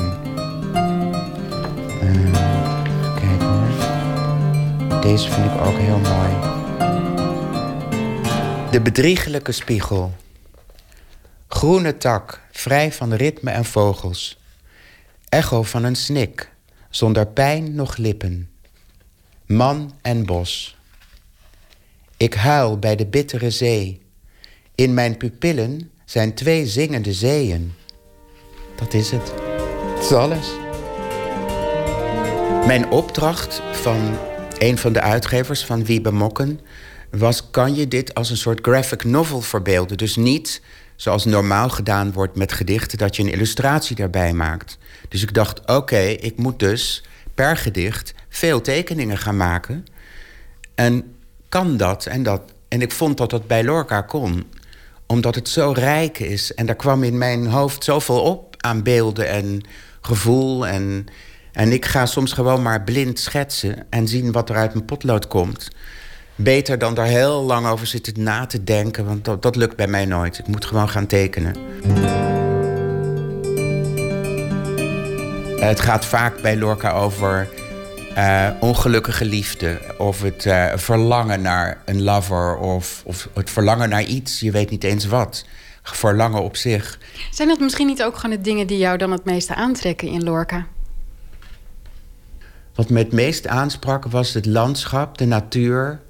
En het hele vrije van zijn schrijven. Want Lorca maakt vaak, zeg maar, moeilijk om te zeggen in woorden. Um, gevoelens, die maakt hij voelbaar, zintuigelijk. Uh, dove moeheid, zoete woede, witdradige droefheid, Dat soort dingen spraken mij heel veel aan, inderdaad. Vooral als tekenaar, want je denkt natuurlijk in beelden. En Lorca geeft je soms die beelden. En inderdaad, soms koos ik dat. Om dicht bij die beelden te blijven. En soms ging ik er van, juist vanaf. Wacht.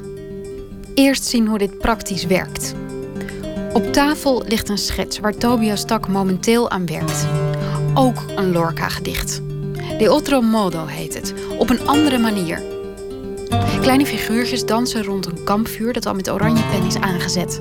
Bomen met ogen vormen een omlijsting in bruin. En er staat: Het kampvuur plaatst de hoorns van een woedend hert op het avondlandschap. Nou, dat lees ik dan. En dan zie ik natuurlijk die vlammen in de vorm van een soort gewei. Ik ben naar verschillende plekken gegaan waar hij gewoond heeft. Dus opeens zag ik dat landschap vormen, wat ik daar zag. Wat schetsen, toen kwam er opeens een rare vogel. Die vloog opeens linksboven mijn beeld in. Water. Dus toen kwamen er golven op mijn bladzij, want de rivier zat in mijn hoofd. Toen kwamen die rare wezentjes, sprookjeswezentjes en een soort Spaanse danseres. Zo, zo ontstond het. Taks tekeningen zijn dromerig, in contrasterende tinten blauw en oranje. Miro zie je terug, Dali.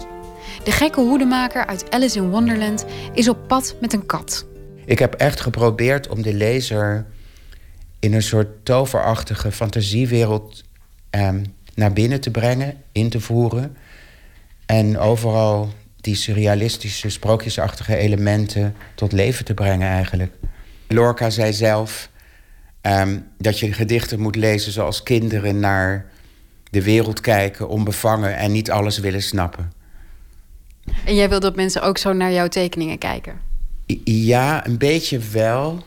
Want ik heb geprobeerd om, toen ik het tekende, om het niet te gaan uitleggen. Om geen interpretatie te geven, wat je natuurlijk onbewust toch wel doet. Want dit is mijn, dit is Toby, de Toby-visie, de Tobias-visie. En uh, tien andere tekenaars, als Joost Zwarte dit had getekend, was het een heel ander boek geworden natuurlijk. En uh, als ja, zeg maar Wasco het tekent, wordt het weer een ander boek. Maar dit is mijn visie natuurlijk wel erop, maar ik probeerde het niet uit te leggen.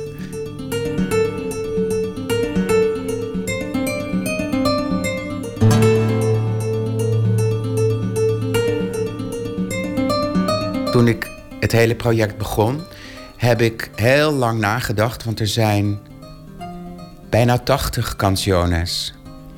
En welke zou je, zal ik dan kiezen? Want ik kon ze niet allemaal. Dan was ik nog tien jaar aan het tekenen. En het boek was dan heel dik geworden.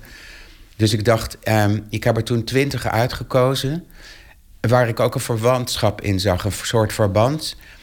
Bijvoorbeeld, um, er is één gedicht waar de sinaasappelboom heel bedroefd is dat ze geen vrucht uh, heeft. Waarschijnlijk het symbool van, de, van een vrouw die geen kinderen kan krijgen.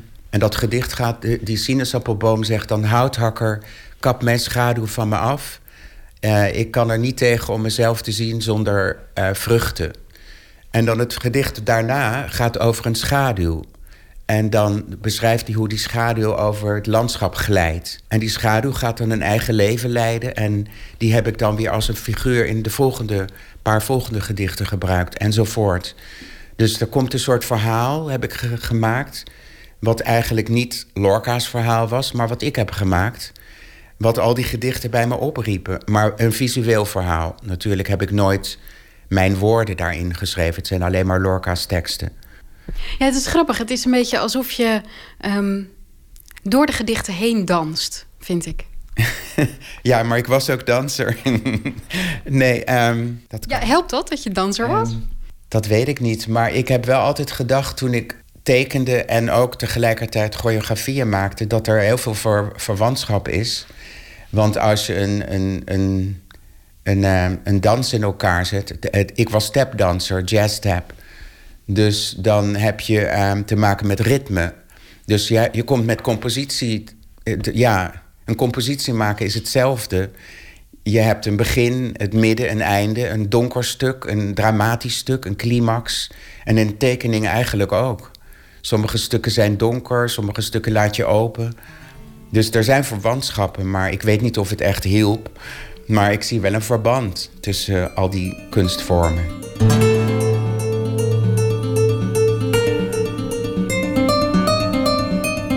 Wanneer weet je wanneer het af is? Ehm, ja. Ja, dat weet ik. ik weet niet hoe ik dat uit moet leggen, maar ik weet dat, dat soms als je tekent of schildert, ik denk dat iedereen dat heeft, als je maar door blijft uh, tekenen en pielen en schilderen en knoeien, dat het niet beter wordt. Je moet, uh, op een gegeven moment leer je dat wel, denk ik. Je leert stoppen. Door ervaring van afblijven, klaar. En dan soms na twee dagen, dus soms is het goed om twee dagen voor de deadline te stoppen. Dan zie je toch, ja, maar dat ene hoekje moet toch donkerder. Het irriteert me. En dan maak ik dat nog donkerder of iets geler. Of komt er toch nog een vogeltje bij. Of juist haal ik iets weg. Maar ik, ik, ik probeer altijd het met rust te laten als ik denk... niks meer aan doen, het is goed zo. Tobias stak in een reportage van Floortje Smit. De boekpresentatie is aanstaande zaterdag van Canciones. En u zult uh, Tobias Stak kunnen vinden tijdens de stripdagen in Rijswijk.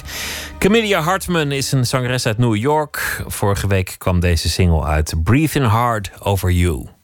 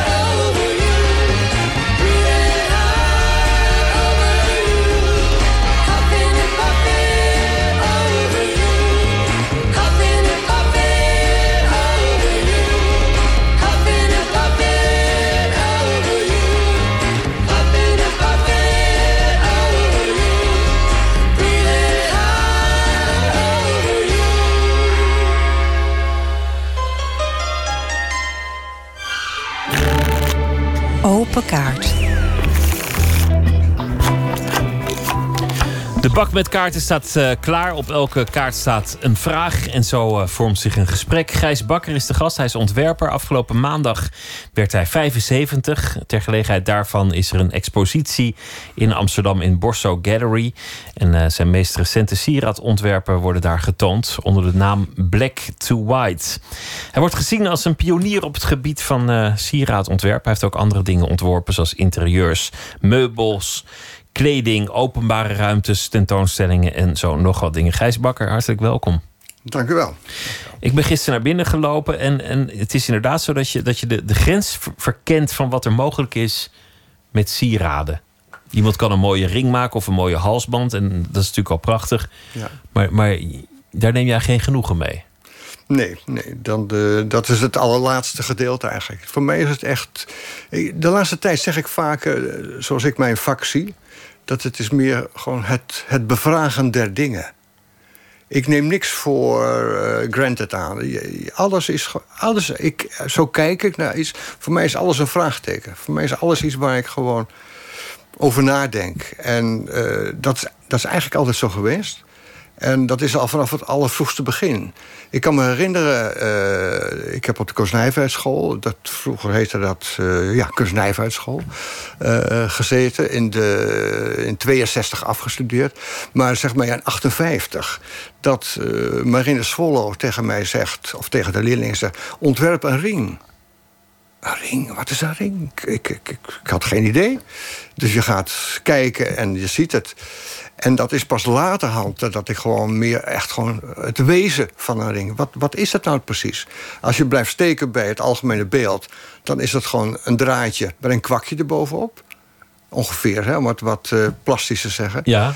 En uh, meteen na de opleiding ontdekte ik dat het gewoon natuurlijk veel meer kan zijn. Dat het iets kan zijn wat een klein verhaal rond een hele vinger vertelt. Het is natuurlijk altijd op een kleine schaal. Maar het is altijd in relatie tot de mens, altijd in relatie tot het lichaam. En dat is precies waar het mij uh, om gaat. Daar, daar haal ik mijn, uh, de betekenis uit. Die, die relatie tot. Ook wat je doet met, met die sieraden die ik heb gezien uh, en die nu tentoongesteld worden. Ga je ook in, in technische zin van wat mogelijk is met, met een sieraad verder dan andere? Je, je, je hebt echte afbeeldingen, bijna, bijna fotografische afbeeldingen binnen een edelmetaal. Ja. Bijna alsof het een, een print is op, op een stuk papier, maar dan op goud of welk ander materiaal je op dat moment gebruikt. Ja, maar het is ook dat. Hè, kijk, je, je hebt een idee. Even over het collier Black to White bijvoorbeeld. Hè. Dat is toch al. Uh, er wordt al fantastisch goed op gereageerd. Het is nu voor het eerst dat ik het laat zien. Dat is nieuw. Ik had net uh, een, uh, een, artikel uit een blog uit uh, New York. Dat is Glenn Adamson. En die gaat daar dan ook echt helemaal op in. En die zegt dan ook van... Het is natuurlijk een raar soort collier... dat je gewoon een hoeveelheid mensen op een hoop veegt...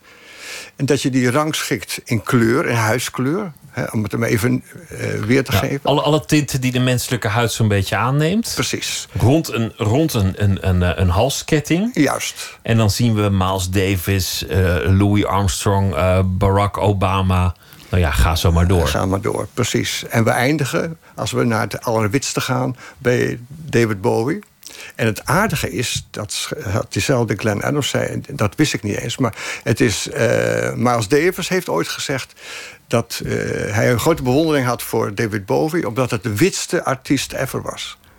Dat is ik wel mooi. Dus dat, ja, dan, dan is mijn verhaal, uh, daar word ik heel gelukkig van. Dan klopt het ook helemaal mooi bij elkaar.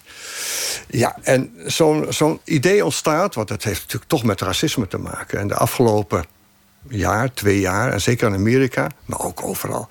Het, het speelt zo waanzinnig een belangrijke rol. Ik bedoel, de, de, hoe we met elkaar omgaan. Het feit dat je naar anderen kijkt en dat die anders zijn. En dat je al daarom gewoon dat dat, dat dat niet klopt, dat dat niet kan. Dat, maar je, je, vertelt een verhaal, je, je, je, je, wil iets duidelijk maken over de samenleving of over, over de kunst in, in dit geval.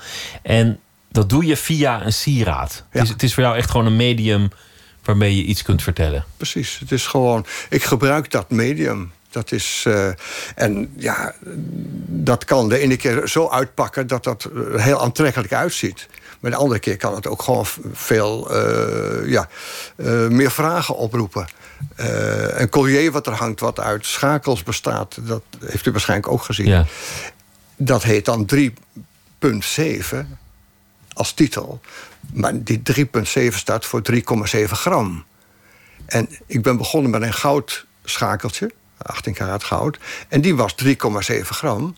Maar alle andere schakels zijn van ander materiaal. En die worden afhankelijk van het soort gewicht kleiner of groter. Maar de gouden is de kleinste. Dus, en de grootste is dan zeg maar van Perspex. Daar, zit, daar zit bijna ook een soort protest in. Want, want mensen die, die, die hechten enorm aan hun sieraden en ook enorm aan edelmetaal. En het is, het is, uh, ja, het is ontzettend interessant dat één zo'n element uit die hele reeks van elementen in de scheikunde heilig is verklaard. Ja. En wel meer dan dat. Is er ook een soort verzet, een soort dwarsheid van... nou ja, aluminium kan ook mooi zijn, of, of, uh, of staal? Of... Ja, maar dat was veel meer gewoon aan het begin van uh, mijn carrière. Dat is echt gewoon in de zestiger jaren... als ik dan samen met uh, Emmy, Emmy van Leersum, mijn vrouw... als wij dan in het Stedelijk Museum de mogelijkheid opeens geboden krijgen en die ook aangrijpen om eens een keer echt groot uit te pakken. En toen hebben we ook sieraden juist van aluminium gemaakt, die dan ook weer zo groot waren dat je hoofd, als het ware, dat werd ook vaak geschreven, als een soort met Johannes de Doper op een schaal uh, gedragen naar binnen kwam. Die, die werden wel, althans de armbanden werden immens populair. Uit die, uit dat, die lijn. dat, dat werd toen de tijd, werd dat zo 60, 70 jaren... was dat gewoon in, een, in, in, in, in de kunstscene, zeg maar...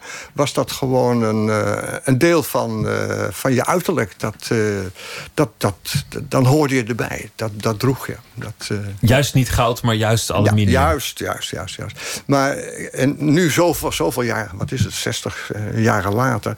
50 jaar later... heb ik dan in een ander, wat ook op die tentoonstelling te zien is het uh, zelfportret. Er zijn drie ronde gouden schijfjes. Daarvan, als mensen het zien, dan zeggen ze... oh ja, dat heeft hij gewoon 3D geprint. Zijn eigen kop gefotografeerd en 3D geprint.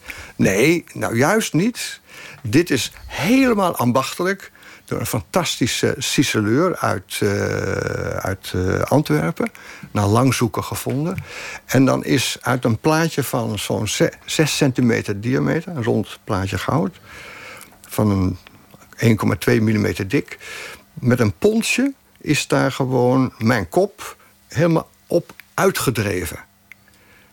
Dus niet opgelast of gesoldeerd. Nee, uit het materiaal omhoog gedreven. Haast onvoorstelbaar, want het heeft, het, het heeft de, de, de, de kwaliteit van een, van een print in, in, ja. in nauwkeurigheid. Ja. En dat vind ik dan natuurlijk interessant. Dat is toch ook een beetje.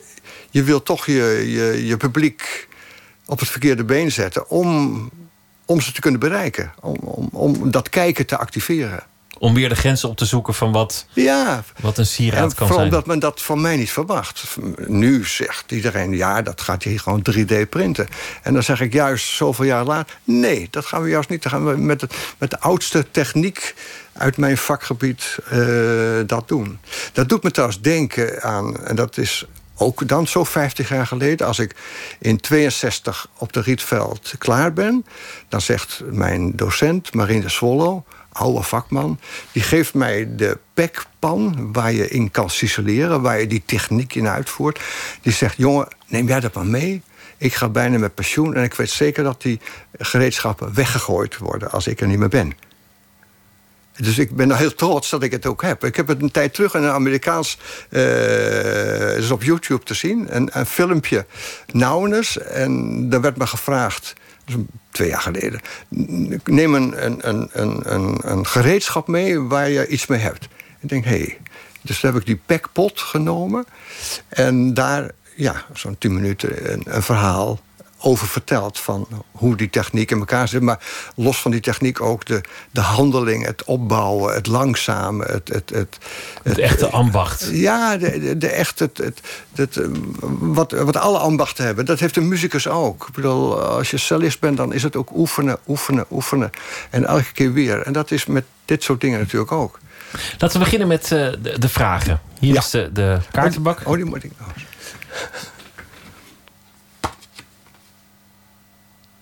Wat wil je aan je kinderen meegeven? Nou, ik heb al heel veel meegegeven. Inmiddels, ja. ja uh, ik heb een fantastische zoon die uh, nu beroemder is als zijn vader. Dus dat is alleen maar geweldig. Maar uh, als ik erop terugkijk, dan kan ik, wel zeggen dat het ook moeilijk is om, om, om, om ruimte te bieden aan de. Want je weet zelf zo goed wat je wil. En je bent zo bang dat je kind in dezelfde richting gaat. En die zoon van mij die ging. Die is ontwerper geworden. Dus die ging een beetje in dezelfde richting. En dat vond ik ontzettend moeilijk. Dat vond ik echt... Ik denk, oh, arm kind. Oh, doe dat nou niet. Het is zo verschrikkelijk. Een slangenkuil, doe het niet. En ook om je er niet te veel mee te bemoeien... en de hele tijd erbovenop te zitten. Maar nu heb ik een kleindochter en een kleinzoon. Maar een kleindochter van zes. En daar kan ik al mijn liefde en al mijn uh, ja, aandacht... en, en, en onbevangenheid en uh, intens samen tekenen, samen knutselen en zo. Helemaal in kwijt. Verrukkelijk. Ja, ik ben verbaasd van mezelf. Laten we nog een uh, ja. kaart trekken. Wat is je favoriete personage uit boeken, film en theater? Ja, jee. Dat is niet zo moeilijk. Er zijn er veel. In wezen, het collier Black to, uh, van Black to White... daar zitten heel veel favorieten in. Ja. Want het bestaat uit uh, een deel uh, politici... een deel componisten... En dat loopt van Louis Andries naar Michiel van der A... tot Pierre Boulez, tot uh, Ligeti. Uh, acteurs met Damon uh, en, en, en meer.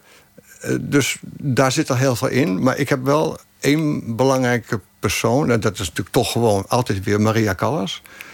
Dat is mijn vroegste ontdekking van wat muziek kan zijn... Dat, maar dan ben ik echt heel jong. Dan ben ik zo 16 jaar ongeveer. En dan voel ik iets in die stem die, vrij, die iedereen toen lelijk vond. Dat is vrij een harde stem. En dat was voor mij was dat, uh, de nieuwe vrijheid, de nieuwe openheid. Dat, dat, dat, dat gaf mij uh, een blik op de toekomst. Dat gaf me lucht, gaf me ruimte. Prachtig vond ik dat. En nog altijd hoor. Ik bedoel... Het is ook mooi, want, want personages zou je ook kunnen, kunnen interpreteren als een fictief personage. Maar met Maria Callas is het inmiddels ook zo dat er zoveel legende en zoveel verhalen over haar gaan dat het ook bijna een personage is geworden. Ja, dat, dat is het al. Het is natuurlijk een historisch figuur, maar ook, ook inmiddels wel een, een fantasie. Ja, ja. Maar voor mij was het echt, uh, nou, wat ik dus net beschreef, van echt vanuit dat allereerste begin, dat de echtheid van de stem, de, de, de rauwheid van de stem, de expressie van de stem, niet uh, om modieuze of om aangename manier glad uh, gestreken, maar vanwege de expressie 100% wordt uitgebuit. Ja, en zij, dat... zij zingt ook echt. Zij is niet bezig met, met, nee. met een rol of met techniek of ja. met haal ik die noot wel. Er zit, er zit een soort gemak in, maar ook een soort. Ja. Terwijl soort, er soort een waanzin, losheid. Een waanzinnige perfectioniste waanzinnige. Ik maar zo een, klinkt het niet. Het klinkt nooit, nooit angstig van... oh, die nood komt eraan. Nee. Het, is, het is altijd alsof het... Ik heb een uh, video, dat is uit Hamburg is dat. dat is, uh, dan zie je dat ze de hand van de dirigent uh, vasthoudt. Dan is ze inderdaad nog vrij jong. En dan gaat er één noot gaat echt mis. En dan kijkt ze hem zo aan. En dat is vastgelegd. Dus ik heb die video natuurlijk duizend keer gezien. Dus dat gebaar van die onzekerheid van, oh, domme, dat is net niet goed. Dat zal niemand opvallen toen de tijd in het publiek niet, maar omdat het nu op film vastgelegd is, zie je dat. Dat vind ik heel mooi. En dat hebben wij natuurlijk hebben we allemaal. Als jij iets maakt, hè, wij makers, laat ik het zo zeggen, ik weet altijd waar de fout zit. Ja, en, en een ander ziet dat niet. Nee. Laten we nog zo'n kaart uh, doen. Heb je een fetish? Nee, ik zou niet weten. Volgende. Ja? De volgende. Ja, ja hoor. Heb je tatoeages? Volgende. Niet één dus. Niet één. Nee, het lijkt me verschrikkelijk. Dat gevoel met, zo'n nee, naald. nee, nee, nee, nee. Nou, Of rondlopen met Nee, iets. nee, maar bedoel... Uh, kijk, mooi als je een strakke huid hebt. Maar ik heb nu een leeftijd dat ik zie wat die huid gaat doen. En dat het niet meer leesbaar zou zijn als je een ankertje met moeder zou hebben. Verschrikkelijk, dat ziet er niet uit. Uh, Oké, okay, de volgende. Welk buitenlands gebruik of welke traditie zou je willen overnemen? Ja, god, ik, ik reis zoveel. Ik ben zoveel overal. Ehm, wat ik heel mooi vind, ik heb een tijd lang uh, na droog uh, designperiode, heb ik een tijd lang in Taiwan uh, projecten gedaan met ontwerpers. En wat ik daar heel mooi vond, is de straatcultuur van het eten op straat. Maar dat is niet zoals hier met een zak patat rondlopen. Maar dat is echt in de night market. Dat je daar zo s'avonds bij elkaar komt. Je gaat met z'n allen uit. En je strijkt daar neer, het is natuurlijk een warm klimaat. En dan wordt dat eten wordt daar op, een, eh, op kleine stalletjes allemaal eh, verrukkelijk klaargemaakt. En dat heeft iets heel, uh, iets heel intiems. Heeft dat. En het blijkt ook dat al die jonge mensen, dat waren allemaal dertigers waar ik mee werkte, die hebben niet eens een keuken die, die zijn altijd gewend, omdat het eten zo goedkoop is, dat ze gewoon daar niet zelf voor hoeven te gaan koken. Dat kun je gewoon, uh, kun je dat gewoon elke avond gewoon buiten eten. Dat is ook gewoon van goede kwaliteit. Dat vind, ik heel mooi. Daar is hier te koud voor, het regent te vaak. En zo'n zo'n foodtruck moet heel veel vergunningen hebben natuurlijk. Laten we nog één vraag uh, doen.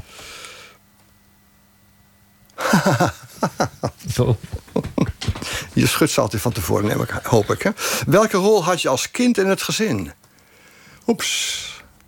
Oh, dat is wel aardig. Uh, ik kom uit een gezin van zes kinderen. Dus ik ben, ik ben de middelste. Maar wat is de middelste? Uh, ik ben de derde. Dus je zit tussen drie en vier. En uh, ik was het, het kind wat zich terugtrok in zijn eigen wereld. En als ik het weer zou moeten doen, zou ik het precies hetzelfde weer doen. Dus ik bedoel, ik heb niet dat ik daar een andere rol voor gekozen zou, uh, zou willen hebben. Ik vond het uitstekend. En ik doe het eigenlijk nog. Dus mijn uh, familie is inmiddels, uh, omdat mijn vader komt zelf uit een gezin van 14 kinderen. Dus de kerk heeft er goed achterheen gezeten. Dat het ook echt allemaal, de katholieke kerk, dat het in aantallen goed dik voor elkaar was. En uh, er is een foto, die heb ik in een boek in 2000 van mijn Objects to Use met al mijn uh, designproducten. Daar heb ik die foto erin geplaatst en zie je 100 bakkers ongeveer, 100 uh, eh, familieleden. En dan zijn Emmy en ik de enige in de culturele sector van die 100. En ik kreeg niet aan maandag op mijn verjaardag, maar net omdat ik het zaterdag met de opening vierde. Van mijn broers en zussen, die ook allemaal weer altijd trouw zijn, kreeg ik een familieboek. En uh, dan kom ik daar met Emmy en met al in het begin in voor. En daarna had niet meer, omdat wij ja, ons eigen leven leiden. En toch weer net niet helemaal in de hele club die zij met elkaar vormen. Dus ik heb altijd iets gehad van... Uh, laat mij nou maar met mijn eigen eiland Hoewel ik niet asociaal of wereldvreemd ben. Maar ik heb gewoon mijn eigen ding. En uh, omdat hun wereld, zeker in mijn kinderjaren, was hun wereld... Was, zij had altijd gelijk, want zij waren in de meerderheid. Dat, dat was een zware meerderheid. Altijd je eigen gang gegaan. Het is uh, te zien in Borso Gallery in Amsterdam. Gijs Bakker, hartelijk dank. En uh, gefeliciteerd nog met de verjaardag. Dank, dank. wel. En daarna is uh, de expositie trouwens ook nog uh, te zien in Brussel. Ook aardig om nog uh, te vertellen. Sturgill Simpson is een countryzanger uit de Verenigde Staten. Hij heeft een nieuw album, A Sailor's Guide to Earth. Wordt bijgestaan door zijn eigen band, maar ook door leden van Dap Kings, de huisband van soul-label Daptone Records. Het is een album in de vorm van een scheepsjournaal gericht aan zijn zoon. En we gaan luisteren naar All Around You.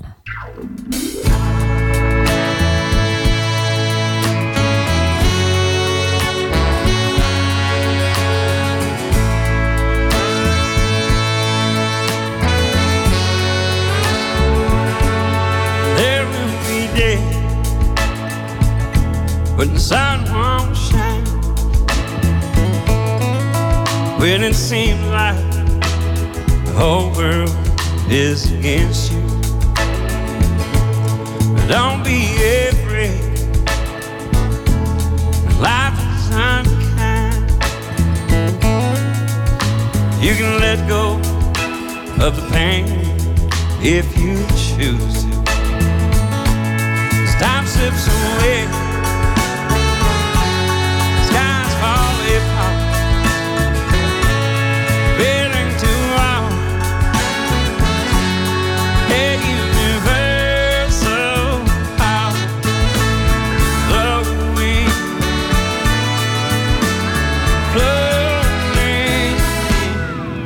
all around you.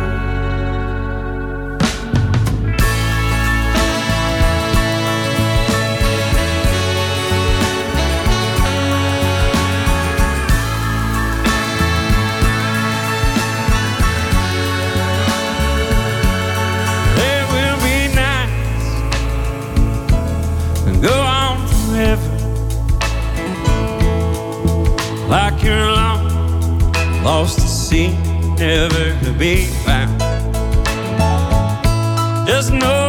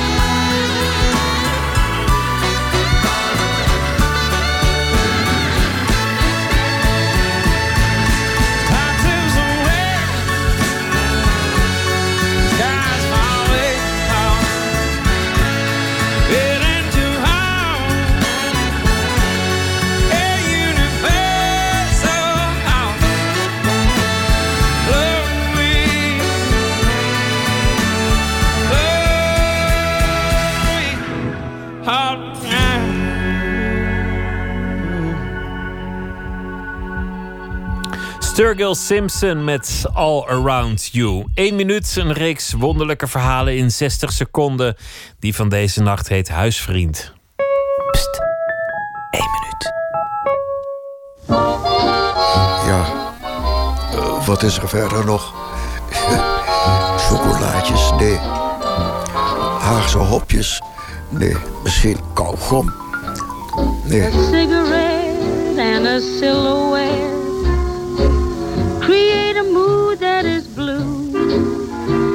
the cigarette helps me dream, and the silhouette looks like you. Ik herinner me een advertentie.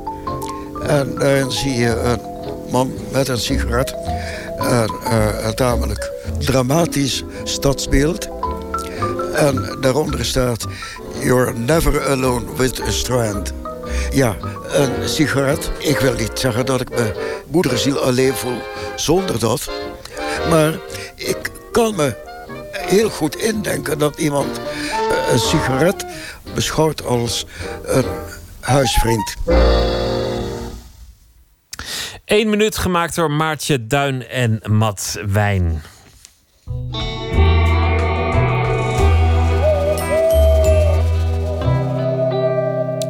Alma Matthijs is deze week onze huischroniqueur. Ze schrijft elke nacht een eh, verhaal over de dag die achter ons ligt. En draagt dat voor. Goedenacht, Alma. Goedenacht. Vertel, wat heeft je vandaag eh, geïnteresseerd? Nou, er zijn zeven aardeachtige planeten ontdekt. Er was vandaag een persconferentie van NASA. En daarin eh, vertelden wetenschappers dat die ontdekten... en dat op drie van die planeten wellicht zelfs leven mogelijk zou kunnen zijn. Ja, en toen werd ik toch wel een beetje enthousiast. Ja, natuurlijk. Maar ze zijn, ze zijn allemaal wel ontzettend ver weg.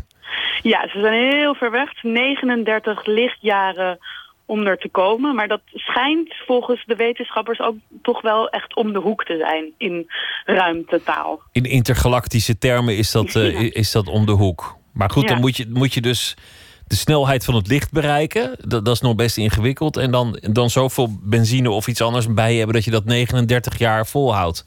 Ja, en dan ze- nog ze moet je zeggen volgens mij dat 39 het jaar. überhaupt niet mogelijk is eh, in de aankomende eeuwen, maar wellicht over 300 jaar dat het zou lukken. En dan niet om er mensen heen te sturen, maar om er... Ja, ik, ik weet het natuurlijk ook niet hoor. Ik lees gewoon alles en ik absorbeer zoveel mogelijk omdat het me gewoon heel erg interesseert.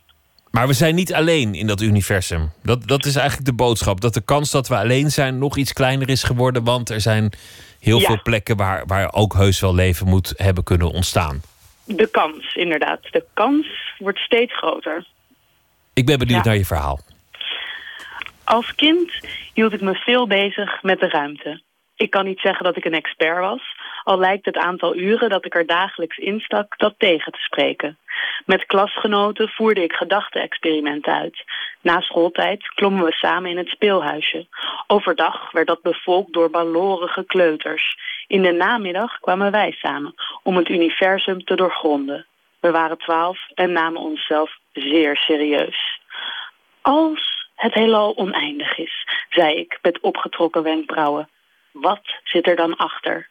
Een paar jaar later had ik dezelfde gesprekken, maar dan onder de invloed van wiet. Ik weet nog dat ik me machtig voelde, denkende dat wij de enigen waren die hierover nadachten. De kennis die ik vergaarde tijdens de namiddagen in het speelhuisje moest ik heel goed onthouden, vond ik. Ooit zou de wereld er baat bij kunnen hebben. Als ik er nu aan terugdenk, is het moeilijk op te rakelen wat dat nu precies was. Mijn volwassen zelf concludeert dat het om een kinderlijke gedachte ging. Een fase in de groei die elk mens doorgaat. Maar ergens hoor ik het kind nog steeds schreeuwen dat haar vraag ook nu nog niet beantwoord is en dus de moeite waard was. Sarah Seeger, een van de wetenschappers die vandaag onthulde dat er zeven aardeachtige planeten zijn ontdekt. In een interview vertelt ze dat ze als kind samen met haar vader door een telescoop naar het heelal keek. Ze noemde het een sterrenfeest. Ik had geen vader met een telescoop. Misschien was mijn fascinatie dan wel uitgemond in zo'n ontdekking. Het mag duidelijk zijn. Ik was deze avond stinkend jaloers op Sarah. Wat een bericht ook om, om aan te mogen kondigen, hè? Zeven planeten die op, op aarde lijken. Ja, ja, ja, ik denk ook dat zij, dat al die wetenschappers wel echt heel verheugd waren en hier niet op konden wachten. En dat was ook zo, dus die Sarah Seeger, een van die wetenschappers, die zei ook, zij is al twintig jaar eigenlijk hiermee bezig. En toen ze daarmee begon met dit onderzoek, zei iedereen echt van... Nou ja, waar, waar, ben je mee bezig? Dit, dit staat nergens op. Ze werd echt afgeschreven. En dan om nu, twintig jaar later, zeg maar, met zo'n ontdekking en echt feiten naar buiten te komen... ja, dat moet waanzinnig voelen. Maar op dat, dat universum, al die miljarden sterren met, met allemaal hun eigen planeetjes. Dat, dat is zo oneindig, onvoorstelbaar groot. Dat, dat, daar moet toch wel ergens nog leven zijn. Ik heb dat zo'n gekke gedachte gevonden dat er dan alleen maar hier op dit ene kleine planeetje leven zou zijn. Waar, waar haal je het vandaan, denk ik dan? Ja, ja, het is bijna dat je denkt van, oh, het is, het is eigenlijk heel logisch. Maar het is natuurlijk gewoon niet bewezen. Uh, uh, en daar zijn we nu dan weer een stapje dichterbij. En dan, ja, ja, je kan het wel denken en het heel logisch vinden. Maar als je niet de gegevens hebt, dan, ja, dan is het niet waar in zekere zin. Nee, en dan zoeken ze toch naar een planeet die lijkt op aarde. Omdat je toch vanuit jezelf redeneert. Dat is toch de nou gedachte van, dan moet het wel net als hier zijn. Ja, en we hebben natuurlijk gewoon een obsessie voor, voor buitenaards leven. Dus iets wat op ons lijkt. Dus ook een soort vorm van eenzaamheid, vrees ik toch weer. Van, oh, we zullen toch niet helemaal alleen zijn in dit heelal. Nee, want straks vind je ander leven, dan lijkt het in niks op ons. Kunnen we er op geen enkele manier iets mee, niet mee communiceren. Kunnen we zelfs geen eens ruzie mee maken. Wat heb je er dan nog aan? Nee, dat, dat zou inderdaad ook nog kunnen gebeuren. Ruzie maken, nog erger. Ach, heerlijk. Nou, ja. we hebben niet eens gebloot. Alma, goeienacht. goedenacht. De meester van de zwoelheid, R&B-ster D'Angelo... en van zijn laatste plaat, Black Messiah, is dit het nummer The Door.